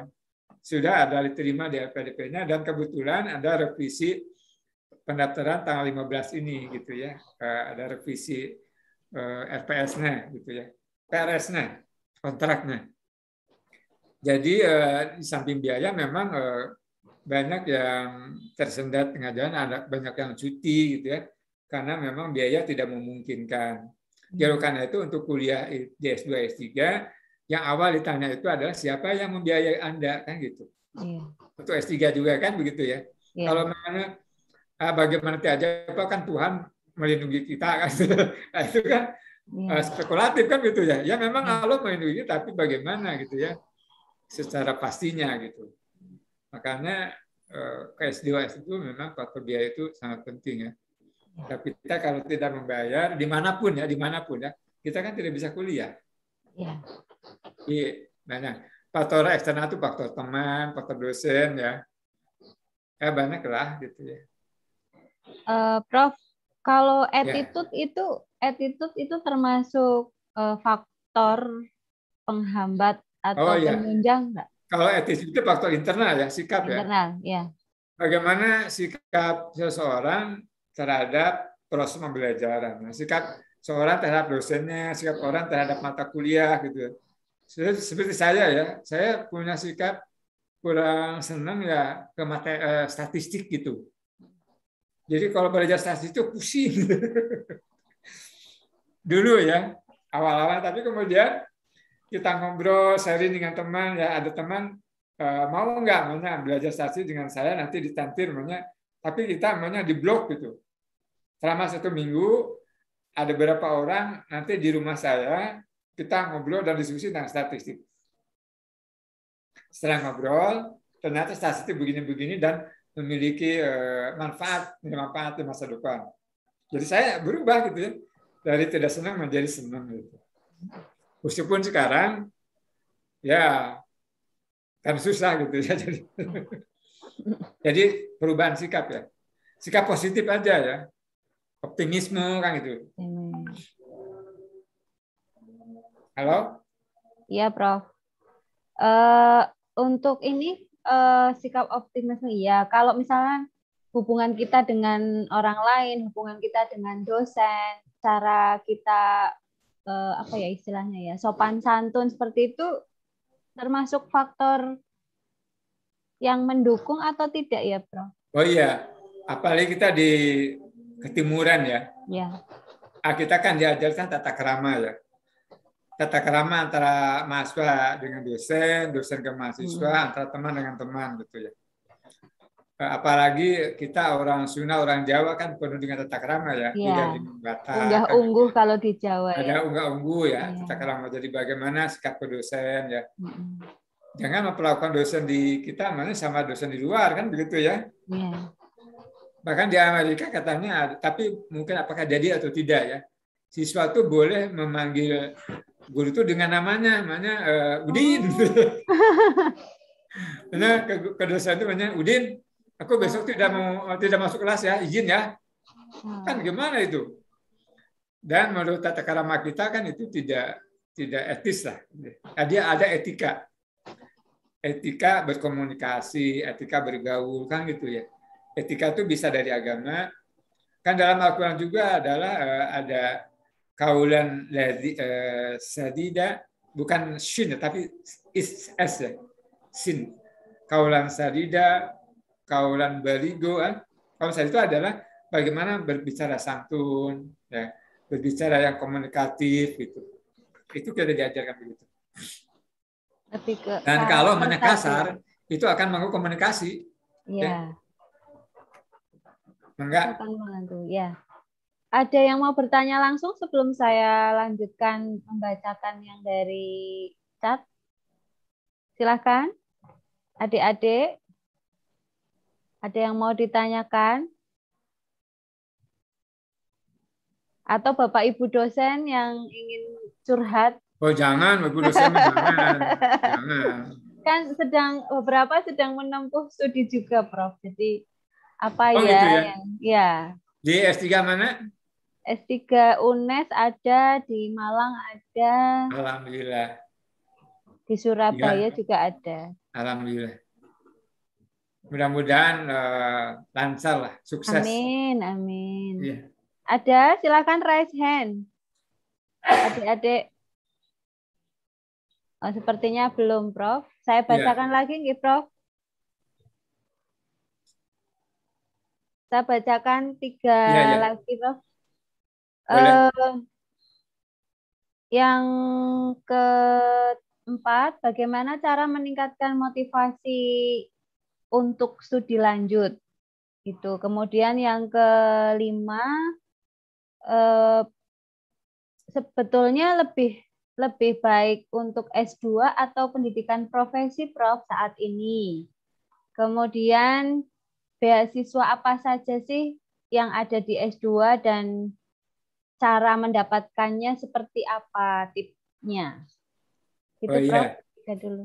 Beasiswa itu tuh ada beasiswa yang formal dari pemerintah, ada informal ya. Yang informal itu dari orang tua, dari calon mertua, dari calon suami, itu. beasiswa informal ya. Kalau yang formal itu LPDP ya. Kemudian kalau Kemenag juga ada 5.000 dokter kan gitu ya. Ada itu. Sampai sekarang kan belum kuotanya masih banyak. Kemudian kalau di Jawa Barat ada eh, beasiswa dari pemerintah eh, Pemda Jabar provinsi. Nah, saya kira eh, Mas siapa tuh Jawa Tengah tuh gubernurnya? Ganjar Mas Pranowo. Ganjar itu insya Allah ada ya. Kalau mana eh, cobalah ditelepon Mas Ganjar, nah insya Allah dia baik kan orangnya. Eh, saya juga kalau telepon tidak jawab itu. Karena saya nggak pernah berteleponan gitu ya. Eh, Kemudian eh, ya kalau yang beasiswa ya. Eh, Beasiswa dari mana? Dari Kemenang, dari Kemendikbud, ya, dari sponsor perusahaan juga ada. Ada yang dari perusahaan gitu ya. Eh, Anda mana banyak membuka aplikasi-aplikasi itu ya. Dan kalau LPDP kan ada eh, mengisi kan aplikasi dari awal gitu. Ada isiannya. Ke provinsi juga ada aplikasinya gitu ya, tinggal membuka ya. Eh, itu jawaban yang ketiga. Yang pertama ya. Tadi cara meningkatkan motivasi. Oh, motivasi ya. Lanjut. yang mungkin eh, di psikologi umum tuh di mana tuh itu bapak dosen sudah menjelaskan kepada adik-adik ya cara motivasi itu kan pertama eh, begini kalau mana ada eh, kompetisi eh, kompetisi dengan orang lain ya sekarang itu eh, mungkin suatu tuntutan ya bahwa guru BK itu eh, tidak cukup dengan S1 gitu. Tapi sekarang di S2 BK itu mungkin di mana-mana termasuk di Bandung di UPI itu perannya adalah guru BK dari sekolah. Mungkin dosen sudah habis kan dosen itu ke S3 kan gitu ya. Jadi sekarang yang di UPI itu ada dua kelas sekitar 45 atau 50 ya. Itu hampir eh, 80 persen itu ada guru ya, guru S1 ya artinya S1. Oleh karena itu eh, mbak-mbak dan mas-mas gitu ya, mempemuda ya. Nanti kalau mana hanya S1 itu nanti ada persyaratan menjadi guru BK itu bukan S1. Mungkin S2 gitu ya nantinya gitu ya. Suatu saat nanti ya. saat nanti ya. Saat nanti. Nah, kemudian dulu juga kan untuk dosen kan tidak ada persyaratan S2. Iya. Nah, ternyata kan harus S2 kan gitu. Ah, itu disa- itu motivasi eksternalnya gitu, eksternalnya gitu ya. Motivasi internalnya adalah bagaimana saya eh, mau kuliah itu adalah mengembangkan wawasan keilmuan, mengembangkan skill gitu ya, keterampilannya dan sebagainya. Di Bandung mungkin akan dibuka S2 yang eh, magister konselor gitu. Jadi S2 tapi juga eh, kons gitu. Profesi. Profesi berarti ya, Prof. Iya, profesi ya. Oh, Nah, sekarang profesi kan sedang gunjang-ganjing ini. PPK Iya. kan tidak diakui gitu ya sekarang tuh Iya. oleh pemerintah ya. Sekarang di Bandung itu dihentikan dulu PPK itu. Sebab Oh. pemerintah tidak mengakuinya. Jadi gimana itu ya? Mm-hmm. Yang diakui kan PPGBKK gitu sekarang tuh. PPG. Iya, PPGBK-nya. Meskipun kita tidak kurang setuju ya dengan program itu. Iya, programnya. Karena itu saya katakan kepada orang pemerintah itu bahwa pemerintah sekarang sedang membonsai pendidikan profesi BK. Coba PPGBK itu prakteknya kan di lapangan tuh hanya sebulan itu berapa ya? Pada itu melakukan eh, bimbingan klasika, bimbingan kelompok, konseling kelompok, konseling kelompok, konseling kas, macam-macam ya. Itu adalah nonsen menurut saya gitu. Hmm. Makanya, aduh, tapi pemerintah kan ini program ya, dilakukan baga- bagaimana, dilakukan bagaimana kan gitu ya. Ini persoalan. Kemudian apakah ya itu tadi PPK ya, menurut saya. Ya sekarang PPK itu gunjang ganjing gitu ya. Pemerintah itu maunya PPGBK supaya programnya sama dengan PPG guru gitu ya. PPG BKK gitu. Yang di UPI itu pemerintah itu itu diprogramkannya. PPK-nya itu dulu kan UPI sudah eh, empat lulusan ya, Iya. eh, dilantik dulu oleh Pak Mumin ya eh, sebagai ketua Abkin dulu. Nah sekarang PPK pemerintah kurang itulah kayaknya gimana itu gunjang ganjing itu PPK itu. Iya. Berarti eh, untuk saat ini lebih baik S2 dulu ya, Prof. S2 sambil lah. menunggu menunggu Iya. keputusan Mahasiswa pemerintah. S2 kan lebih keren daripada Mahasiswa S2 lebih keren ya. iya Oke. bisa jadi dosen ya. Iya, arahnya Kalau mertua juga sangat bahagia ya. Langsung datang Iya. langsung diterima gitu ya, Prof. Betul, insya Allah. Apa lagi ya? Ada lagi, saya bacakan lagi, Ya, adik-adik. boleh. Adik-adik sepertinya pemalu Prof ini pakainya Ini eh, gitu. jalur apa, jalur tulisan. Jadi eh, memang Malu eh, dia. sifat karakteristik orang Sunda orang Jawa itu pemalu ya. Pemalu ya, Prof. kurang mengekspresikan pendapat seperti tidak seperti orang Batak ya, orang Padang gitu ya. Kalau di Sunda itu kan kalau ditawari mau apa, ah terserah bapak ibu saja Iya. kan begitu ya. Iya. Jadi makanya eh, jodoh pun begitu. Mau si Arjuna mau cepot gitu ya, ah, terserah ibu saja. Akhirnya apa Iya. ya? Jadi masalah. Monggo lah dibacakan aja. Baik. Eh Prof, jika studi lanjut tapi beda jurusan, apakah tidak apa-apa? Itu yang pertama. Oh, iya. Yang Iya. kedua, Prof, bagaimana caranya saya bisa lulus tepat waktu? sehingga saya juga bisa eh, langsung melanjutkan studi. Iya. Kemudian yang berikutnya, Prof, saya bingung memilih studi lanjut atau berkarir dulu. Ya. Nah, nomor tiga dulu ya. Ya, Tergantung kesepakatan dengan orang tua. Seperti tadi saya katakan ya. ya, Dulu saya, namanya saya lulusan Sarmud ya. Eh, maunya langsung ke apa ya? Dulu itu S1 ya, Sarmud ya. Tapi saya eh, untuk membiayai itu langsung saya bekerja gitu ya. Karena dari orang tua kan sudah banyak adik-adik kan. Nah, bekerja kan ada hasil sebenarnya dengan hasil itu saya masuk S1 kan gitu ya. Jadi eh, kita tinggal eh, introspeksi aja gitu ya. ya. Apakah lebih maslahat kalau saya karir dulu? Karir dulu. Kalau mana orang tua masih memberikan apa kesempatan, banyak do gitu ya, namanya eh, bahwa ini eh, bapak sama mama masih banyak uang gitu ya, kamu kuliah saja gitu kan, alhamdulillah itu ya. Ya. Tapi namanya do, namanya gimana ya, kalau do terus kuliah, namanya ini kan eh, untuk adik-adikmu kan masih banyak gitu ya. Gimana kalau kerja dulu? Nah, itu kan carilah yang terbaik. Kecuali kalau Anda namanya memberitahu kepada orang tua bahwa namanya atas eh, dulu tuh eh, saya sudah berusaha Bapak, Ibu gitu ya. Bahwa saya sudah mendapatkan beasiswa dari eh, Mas Gubernur gitu ya. Nah, itu jadi gimana kalau saya kuliah dan orang tua pastilah bahagia kan gitu ya. Jadi antara karir sekolah itu musyawarah ya. Itu bagus sekali ya. Sebab kita kita adalah bukan orang barat ya. Orang barat kan egois ya. Pokoknya saya mau ya gitu. Kita tidak bisa begitu ya.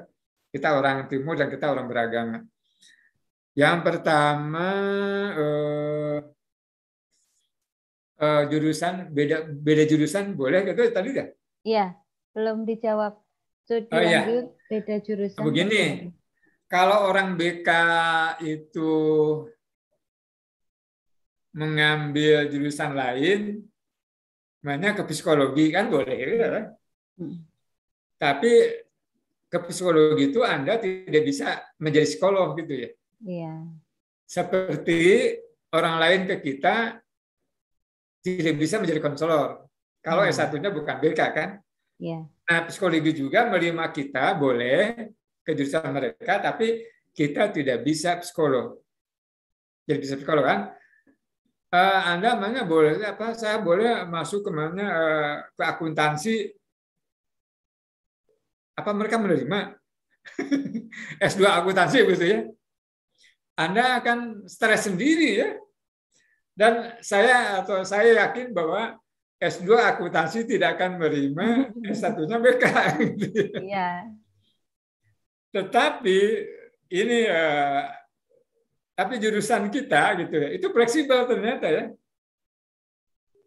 S2 BK di di Bandung itu kan dulu dulu ada dua ya.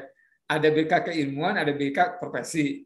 Nah, BK keilmuan itu itu silakan dari eh, mana saja. Waktu saya menjadi kota prodi ada empat orang dokter dari Unpad. Eh, dokter ini adalah wakil dekan tiga di kedokteran. Hmm. Masuk S2 BK. Gitu ya. Saya tanya kenapa? ini dokter masuk BK kan? Saya ini kan S eh, saya, saya tugas saya adalah menghadapi mahasiswa katanya. Iya. Jadi saya belum tahu bagaimana menghadapi mahasiswa menghadapi mahasiswa katanya. Maka saya masuk S2 katanya. Jadi banyak eh, dari kedokteran, dari medis masuk ke kita karena banyak ilmu yang mereka tidak peroleh gitu. Saya hitung itu yang masuk S2 itu ada 11 prodi non BK. Kedokteran, hukum, PAI, syariah, Arab itu ya. Hubungan internasional. HI ya. Saya tanya itu, Anda tahu internasional harusnya di Menteri Luar Negeri ya, bekerja itu ya. Atau jadi translator, penterjemah atau apa gitu. Jadi demo, apa eh, diplomat kan itu ya. Ya. Saya sekarang bekerja di persekolahan Pak saya menjadi salah seorang pimpinan sekolah di sana katanya. Jadi saya ingin tahu bagaimana membimbing guru juga membimbing para siswa gitu ya. Jadi saya masuk sini. Jadi banyak eh, ada latar belakang tertentu yang menyebabkan orang masuk BK gitu. Bisa nah, di sini makanya ada unfullen, ada apa kan gitu. Itu Ya. untuk bagaimana menyamakan persepsi ya.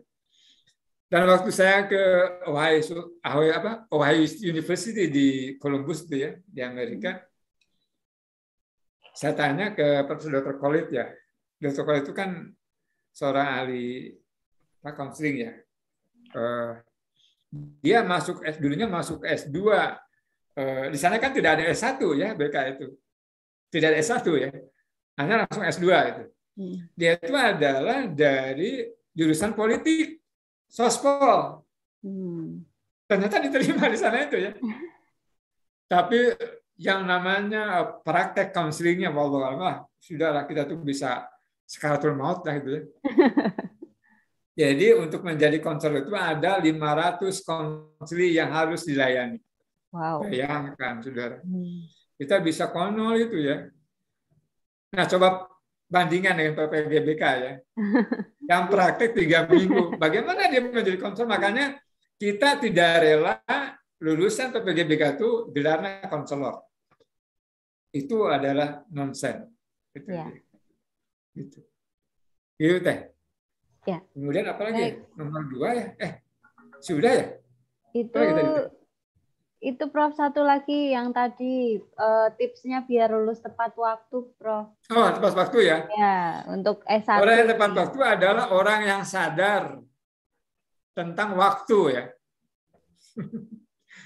orang yang tidak sadar tentang waktu itu begini. Ini saya juga ini jadi masalah. Jadi saya dulu menjadi ketua prodi itu S2 S3 ya. Saya kan dalam benak satu bahwa mahasiswa S2 S3 itu adalah mahasiswa dewasa ya. Ya. Bisa uh, memiliki secara pergulasi, regulasi diri yang baik kan, mem- membagi uh, punya time schedule yang baik kan gitu, mengelola waktu sebagainya. Ternyata masalahnya kan sama saja yang satu, bahkan lebih parah kan. Terutama S3 ini, apakah Bu ini begitu ya? Alhamdulillah Saya ada tidak. beberapa mahasiswa S3 ya. Setelah kuliah kan tiga semester kuliah nih. Iya. Setelah kuliah kan mereka pada pulang nih. Ke rumahnya masing-masing. masing-masing ya. Iya. Kan padahal itu adalah belum eh, ujian Kompre. kualifikasi Iya. kualifikasi belum, ujian seminar proposal belum, Belum. itu ya. Iya. Itu persoalannya betah mereka sudah betah di rumah di sana. Kayak kami surati ya ada surat cinta ya. Surat Masya Allah, jadi saya jadi kota prodi pusing juga itu ya. Mikirin orang dewasa ini gitu ya, S3. Memang ada banyak persoalan di rumahnya dan sebagainya. Jadi kalau ingin tepat waktu, pertama eh, kalau normal ya, udah ada kontrak atau kos di dekat kampus, Hmm. ya. Nah di kami itu ada eh, dari awal, nggak tahu Bu ini beritahu dulu ya. Sekarang itu diberi beritahu bahwa anak tuh kuliah dari mulai September gitu ya. Kemudian sampai kepada tanah merah sekaratul maut. sekaratul maut. gitu. Iya. Ini Batas, adalah batasnya ya. eh, apa tuh injury time-nya di sini. Ya, injury time. Injury time-nya kan di sini ya. Ya. Maka kalau mau tepat waktu, maka Anda tuh di sini jangan banyak iklan. Hmm. Banyak jeda kan, banyak iklannya Ya. itu. Iklan pulang kampung, iklan namanya saudara kawin ya, Ya. iklan nikah dulu. Ah, kalau nikah dulu mah nggak apa-apa gitu ya. Ya. Iklan sakit dulu. Tapi pada umumnya adalah pulang kampung dan tanpa informasi. Sulit untuk kembalinya ya. Sulit untuk kembali ya, karena bumbu, bumbu gitu ya, karena Iya, bumbu gitu namanya. Makanya kalau tepat waktu itu adalah sadar waktu ya, sadar waktu, kemudian eh, memiliki achievement motif yang tinggi gitu ya, dan sering komunikasi dengan pembimbing. Kadang-kadang karena tidak mau komunikasi dengan pembimbing, pembimbing itu kan banyak yang dibimbing ya, jadi lupa. Ya. Tahu-tahunya umpamanya udah waktunya mau berakhir baru eh, komunikasi itu masalah. Ya beginilah, kuliah kan tiga, tiga semester ya. Nah, dari awal itu Anda namanya untuk menyusun eh, tesis atau disertasi, makalah atau apa itu diarahkan ke sana gitu ya. Ke apa eh, fokus kita mau kuliah apa eh, disertasi apa, tesis apa gitu ya. Tugas-tugasnya berarti diarahkan ya, Prof ya. Betul. Ya. Dan itu ada PA kan, dosen PA. PA Iya. Ngobrol dengan dosen PA. Mm-mm. Karena apalagi dengan virtual sekarang ini kan saya sulit ini. S3 ada berapa orang saya di PA ya. Sulit ngobrol juga. Ada yang di Buton, di mana gitu ya. Dan mereka tidak mau bisa gitu ya. Kadang-kadang gimana ini kan gitu. Kadang-kadang saya WA aja. Nah, Saya buka WA. Dulu itu memang pada zaman saya, zaman senior-senior ya, zaman saya tuh tidak ada mahasiswa yang berani menelepon atau eh, dulu mah apa Iya. SMS ya dosen itu mau aduh gini ya menggigil. Iya. Nah waktu saya menjadi ketua prodi saya meminta kepada dosen senior itu supaya merdeka ya belajar merdeka gitu. Merde- mahasiswa menjadi merdeka menelepon atau mau WA bapak-bapak gitu ya untuk bimbingan. Nah, alhamdulillah itu jadi kesepakatan ya. Jadi dia melalui WA, melalui telepon, bimbingan itu terus berkomunikasi. Akhirnya itu bisa melancar gitu ya. Iya. Dan yang paling itu memang yang paling hambat itu mahasiswa sendiri sih. Iya. Ya. Jadi jangan anak menghambat diri sendiri itu dolim ya. Iya. Wala tadlimu anfusakum ya. Jangan kau mendelimi dirimu sendiri ya. Itu dengan Anda bersenang-senang, berelaksasi ya di lembur gitu. Di rumah. Siap kalau sudah pulang ke lembur lupa itu kuliah itu ya. Saya di sana kan senangnya orang tua apalagi dengan eh, teman-teman main ke sana main ke sini ya. Makanya kalau bisa mah selama kuliah mah di Bandung saja kalau di Bandung ya dekat saja di kosan dengan kampus gitu. Iya. Diskusi, baca buku, ke perpustakaan gitu aja gitu. Cepat insya Allah. Fokus Ada di ya, saya itu waktu habis. Enggak, belum, belum. Maksudnya fokus belum. ya, Prof ya. Fokus. Oh iya ya. bagus. Iya. Ada mahasiswa S3 yang tamat dua tahun empat bulan ya. Itu Hmm. tepat waktunya tiga tahun kurang gitu ya. Tiga tahun kurang ya. 20, 28 bulan ya.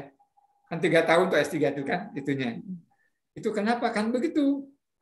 Jadi itu ada ke perpustakaan, eh, buka jurnal, buka eh, baca buku, diskusi dengan dosen, dengan PA gitu. Terus itu ya. Eh, apa ya eh, direct eh, memiliki self direction ya, mengarahkan diri secara positif.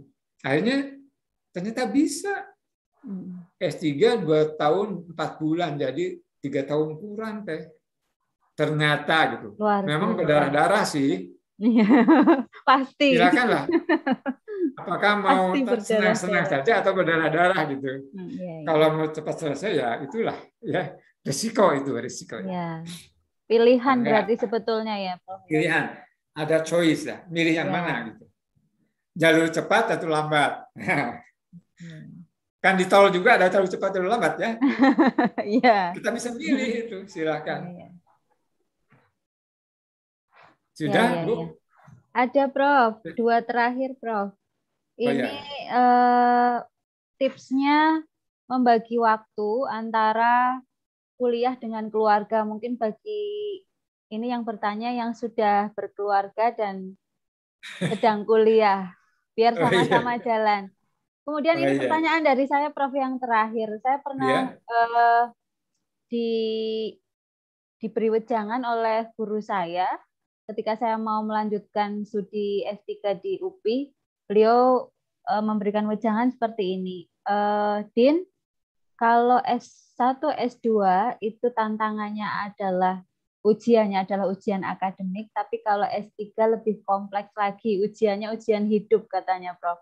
Nah, benar, Prof. Saya- di Lebih apa? S3, S3 mengenai apa itu S3 itu ujiannya ujian hidup gitu, bukan Oh, iya. hanya ujian akademik. Ternyata betul Prof saya di Bandung itu masuk rumah sakit lima kali, jadi sampai itu apakah betul demikian atau memang hanya sebuah mitos ya Prof ya?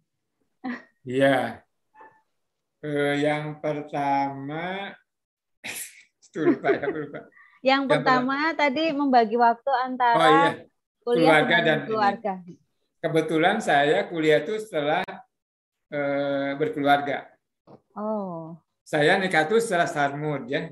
ya. Sarmud kebetulan eh, istri ya, di kalau di kampus sama Umi itu sama kan satu jalur ya, Ya, satu BK. bus ya, Mm, di bus BK gitu. Ya.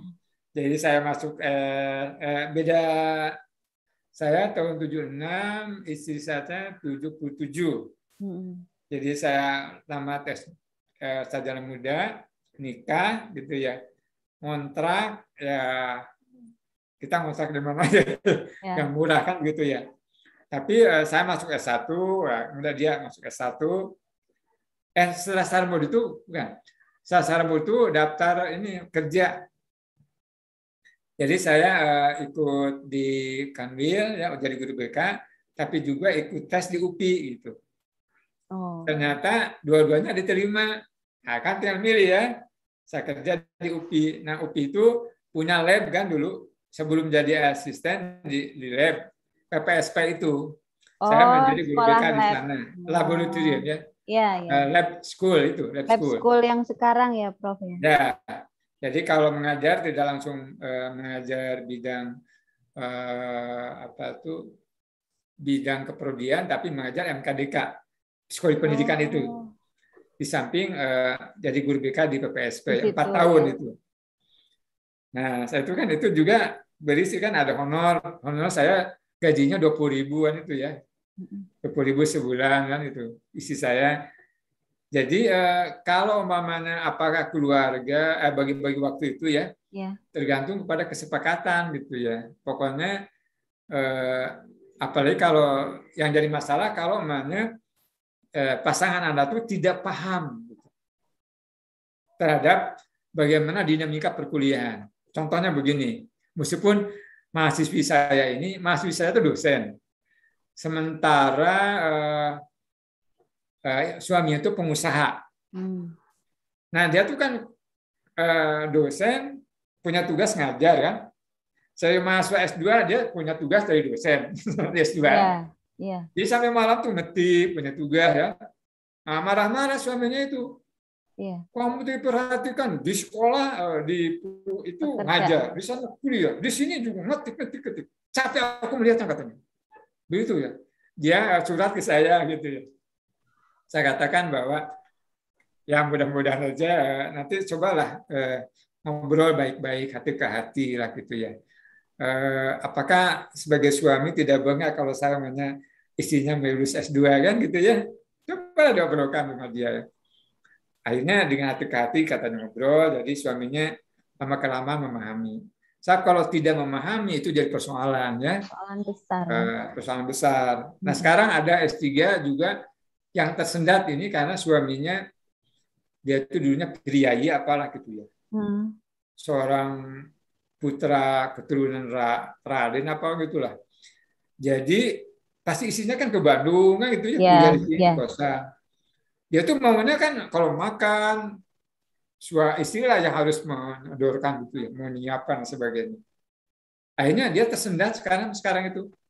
Mungkin Hmm. dia bisa eh, walau alam gitu ya, sedang cuti lagi sekarang.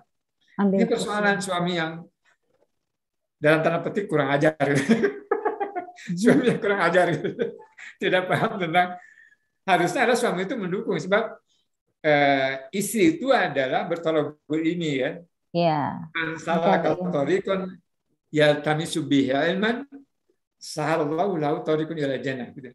Barang siapa yang berjuang mencari ilmu, maka Allah akan memudahkan dia masuk surga. Nah, kalau di sini berjuang eh, mau Mencari ilmu. dapat surga, itu kan suaminya itu ke bawah itu, sebab dia yang merelakan kan. Mendukung. Hidup suami adalah eh, ini yang hebat. Jadi itulah eh, jadi pertama ada kesepahaman antara dua pihak gitu ya. Kedua adalah keseriusan dalam belajar. Sudah sepaham tapi tidak serius belajarnya kan jadi masalah juga kan gitu ya. Iya. Pertama Artinya-. Eh, Artinya ini ya Prof ya, ketika sudah menikah dan ingin melanjutkan studi lanjut, izin dari pasangan itu menjadi sangat berarti. Oh iya, Ya. menjadi suatu hal yang melonggarkan. SIM-nya lah ya, SIM-nya ibaratnya ya kalau kita Ya, mau jadi supaya tidak ada ganjalan psikologis, tidak Iya. ada ganjalan psikologis gitu. Jadi Gitu nanti Mudah-mudahan lah. didukung 100%. Ya. Betul. Oleh karena itu supaya tidak ada masalah, masuk S2 jangan dulu nikah. itu pesennya Prof ya anak-anak ya. Iya. Sudah ya, Mbak? Ya, yang terakhir Prof, yang itu, Apa itu? Prof. Itu mitos atau fakta ya? Mitos atau Oh, yang fakta ujian hidup itu? Iya, kalau S3 Ya. itu ujiannya ujian hidup Ah, katanya. memang eh, ujian hidup itu ya memang ya eh, terutama kaitannya dengan bimbingan kan gitu ya. Iya. Dengan apa? Ujian-ujian eh, apalagi kalau saya ini eh, eh, punya dulu itu ada S3 yang sedang disertasi. Saya Hmm. membimbingnya gitu ya. Tapi dia tuh punya eh, gagal ginjal, Hmm. harus dioperasi ya. Iya. Nah, kemudian eh, dokter meminta secepatnya eh, dia dioperasi. Hmm. Kan gitu ya. Sebab kalau na- naik tangga dulu kan belum eh, Belum ada dulu lift. belum ada lift ya, naik tangga itu duh, kasihan betul gitu ya. Nah, tapi kemudian pada saat memberitahu kepada ibunya, ibunya melarang, nggak mau kamu dioperasi katanya gitu ya.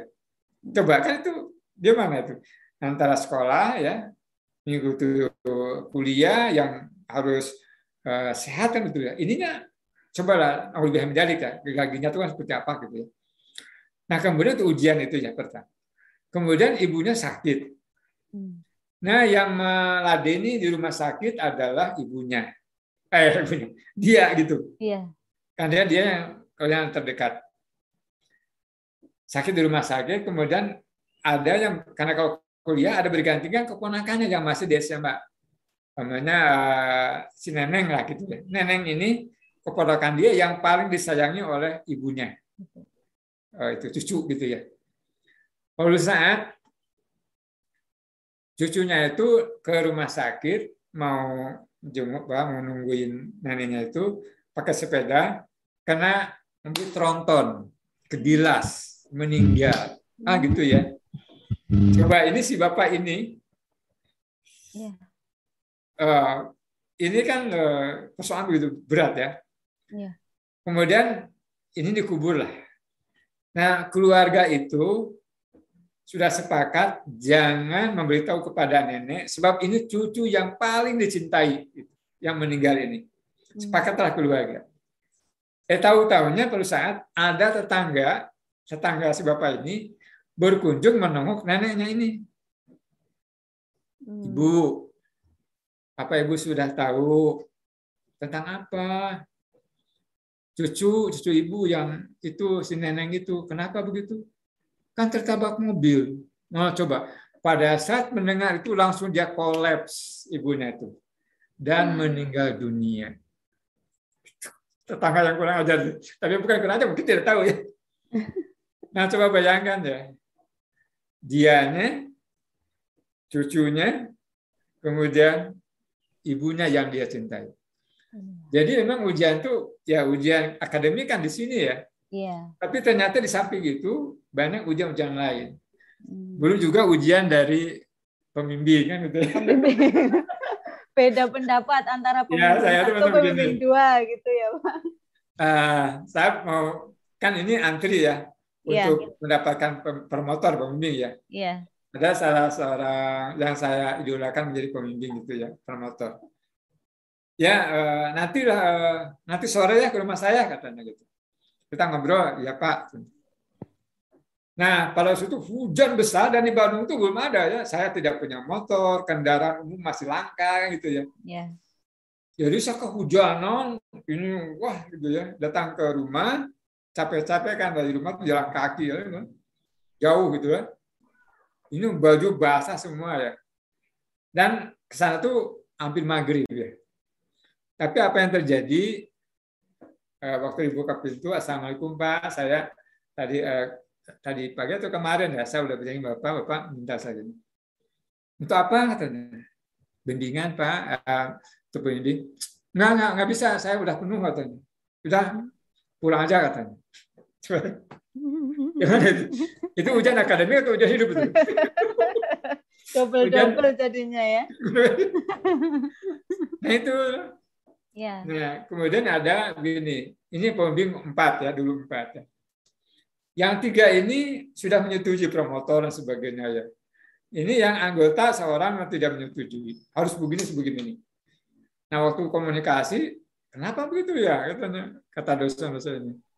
Eh, eh, mengapa kamu ujian aja? Karena ini Pak dan ini Belum. Oh, kenapa ya? Kan ini bisa, ini tidak usah begini gitu. Hmm. Kan ini butek gitu ya kita tuh. Kan? Coba. Iya. Bagaimana ke sini bagaimana, ke sana bagaimana. Jadi memang eh, di terutama di S3 ya. Iya. eh, kita ujiannya ujian dengan dosen, pembimbing, ujian dengan biaya, ujian dengan keluarga, Keluarga. dengan anak, dengan Iya. istri, suami, dengan kondisi kita sendiri. Ya bukan hanya akademik saja memang ya. Iya. Bahkan ada seorang mahasiswa S3 itu dulu yang kalau ke saya, ke kantor itu bawa karesek ya. Kantong karesek. Iya. Kantong ya. Saya tanya itu apa? Ini obat, Mbak. Saya itu eh, komplikasi katanya. Ada diabetes, ada asam urat, katanya ada hipertensi, katanya. Jadi saya bawa ini. Saya telusuri ya ternyata itu adalah apa psikosomatis itu ya. Karena ada gap dengan pembimbing gitu. Iya. Pembimbingnya. Jadi dia komplikasi gitu. Kemudian saya akurkan gitu. Saya telepon pembimbingnya, ditelepon kemudian saya mediasi itu. Akhirnya sampai lulus ya. Setelah wisuda, tiga bulan sudah datang ke saya dan tidak mau keresek lagi. Saya tanya kenapa itu keresek tidak Udah sembuh. Saya udah bebas sama nikah kata. Jadi banyak S3 juga yang psikosomatis ya. Iya. Kalau Bu Dini mah tidak kan? Alhamdulillah. Alhamdulillah. Alhamdulillah. Itulah ya. Iya. Prof, kasih. itu satu lagi Prof, kalau ada gap antara pembimbing itu gimana eh, kita Oh iya. Yang pertama memang kita tidak sifatnya tidak mengadu domba ya, ya pertama tidak tapi mengadu mem- domba. memverifikasi begini gitu ya. Mm. Ka- Kita katakan bahwa eh, kalau mana tentang ini ada pendapat seperti ini seperti bagaimana Pak? Pendapat ya bukan. Bukan Si menurut Anu, si Pak. Anu, si Anu gitu. Ya gitu. Ya. Kalau ada pendapat Pak, kan itu kan gitu ya didiskusikan gitu. Jadi tentang keilmuannya bukan orangnya gitu. Iya. dan itu juga eh, bisa melalui mediasi ke program studi ya. Tapi nanti ada dalam rapat gitu. Dalam rapat itu secara umum, Ya. bukan langsung ini ya. Gitu. Berarti langkah langkah pertama eh, berusaha untuk mengklarifikasi sendiri. Kalau tidak berhasil ke Kaprodi Betul. ya, Prof ya, minta Betul, bantuan. ya, betul. Baik, Nah kalau sudah terakhir mungkin dari saya cukup sekian ya dan terima kasih. Mohon maaf kalau mamanya apa yang disampaikan tidak sesuai dengan eh, apa topik ya atau tema ya. Dan mudah-mudahan silaturahim ini menjadi wasilah kita mendapatkan Amin. keilmuan, mendapatkan Amin. pengalaman yang sangat maslahat gitu bagi kita semua dan mudah-mudahan kita semuanya dalam keadaan sehat walafiat dan Amin. sukses selalu ya Amin. terutama bagi Bapak Ibu dosen kita prodi dan semua eh, terus jaya, terus eh, apa berkembang bagi Universitas PGRI Semarang. Amin. Mungkin ya nanti Ma, saya mau ke sana. Iya. Monggo, Prof. setelah setelah pandemi ya, Prof. ya. Dulu saya Ditunggu eh, itu oleh wakil dekan itu. Dibawa oleh salah kan saya, saya dulu juga mengajar di di Pasca UNES ya. Oh, dulu ya. Ya, di S2 ya. Ya. Jadi dua semester itu tidak salah. Jadi saya pakai kereta ke sana karena pesawat kan sulit kan.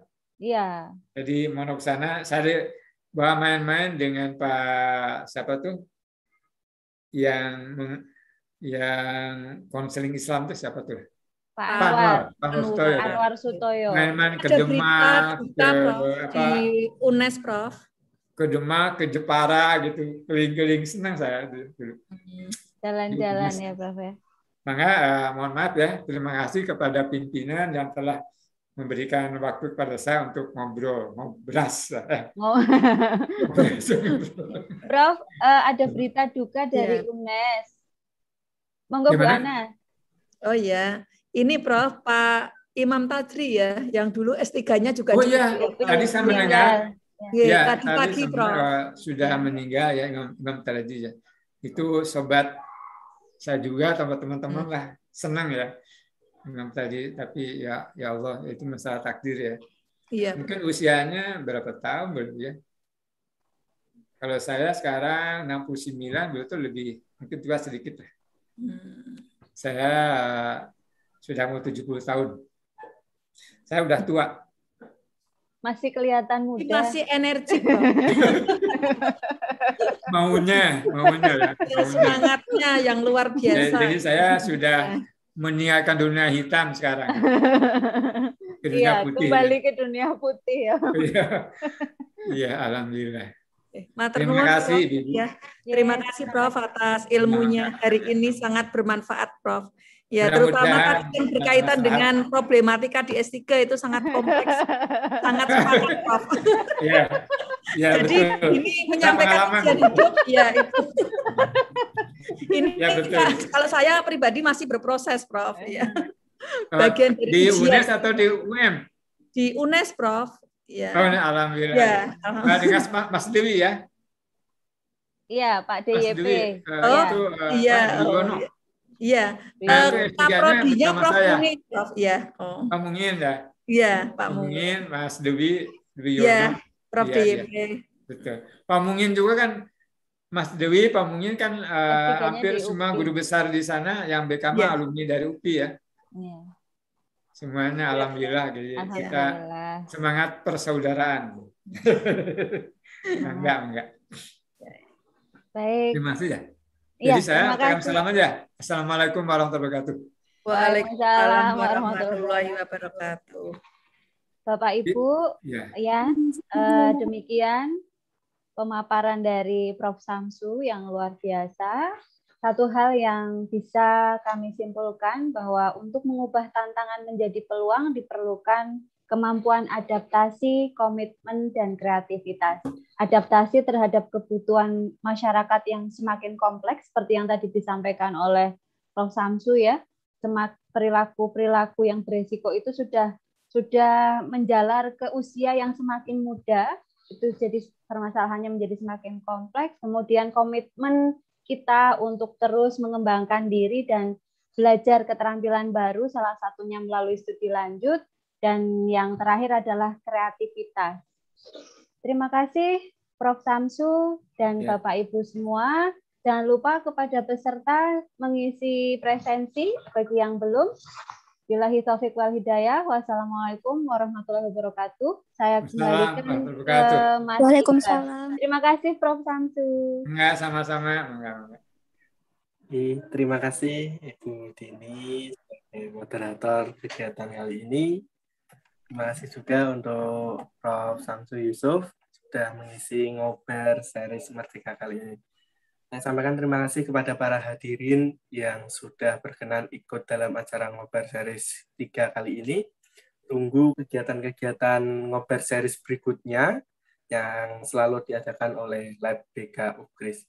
Cukup sekian dari saya, kurang lebihnya mohon maaf. Wassalamualaikum warahmatullahi wabarakatuh.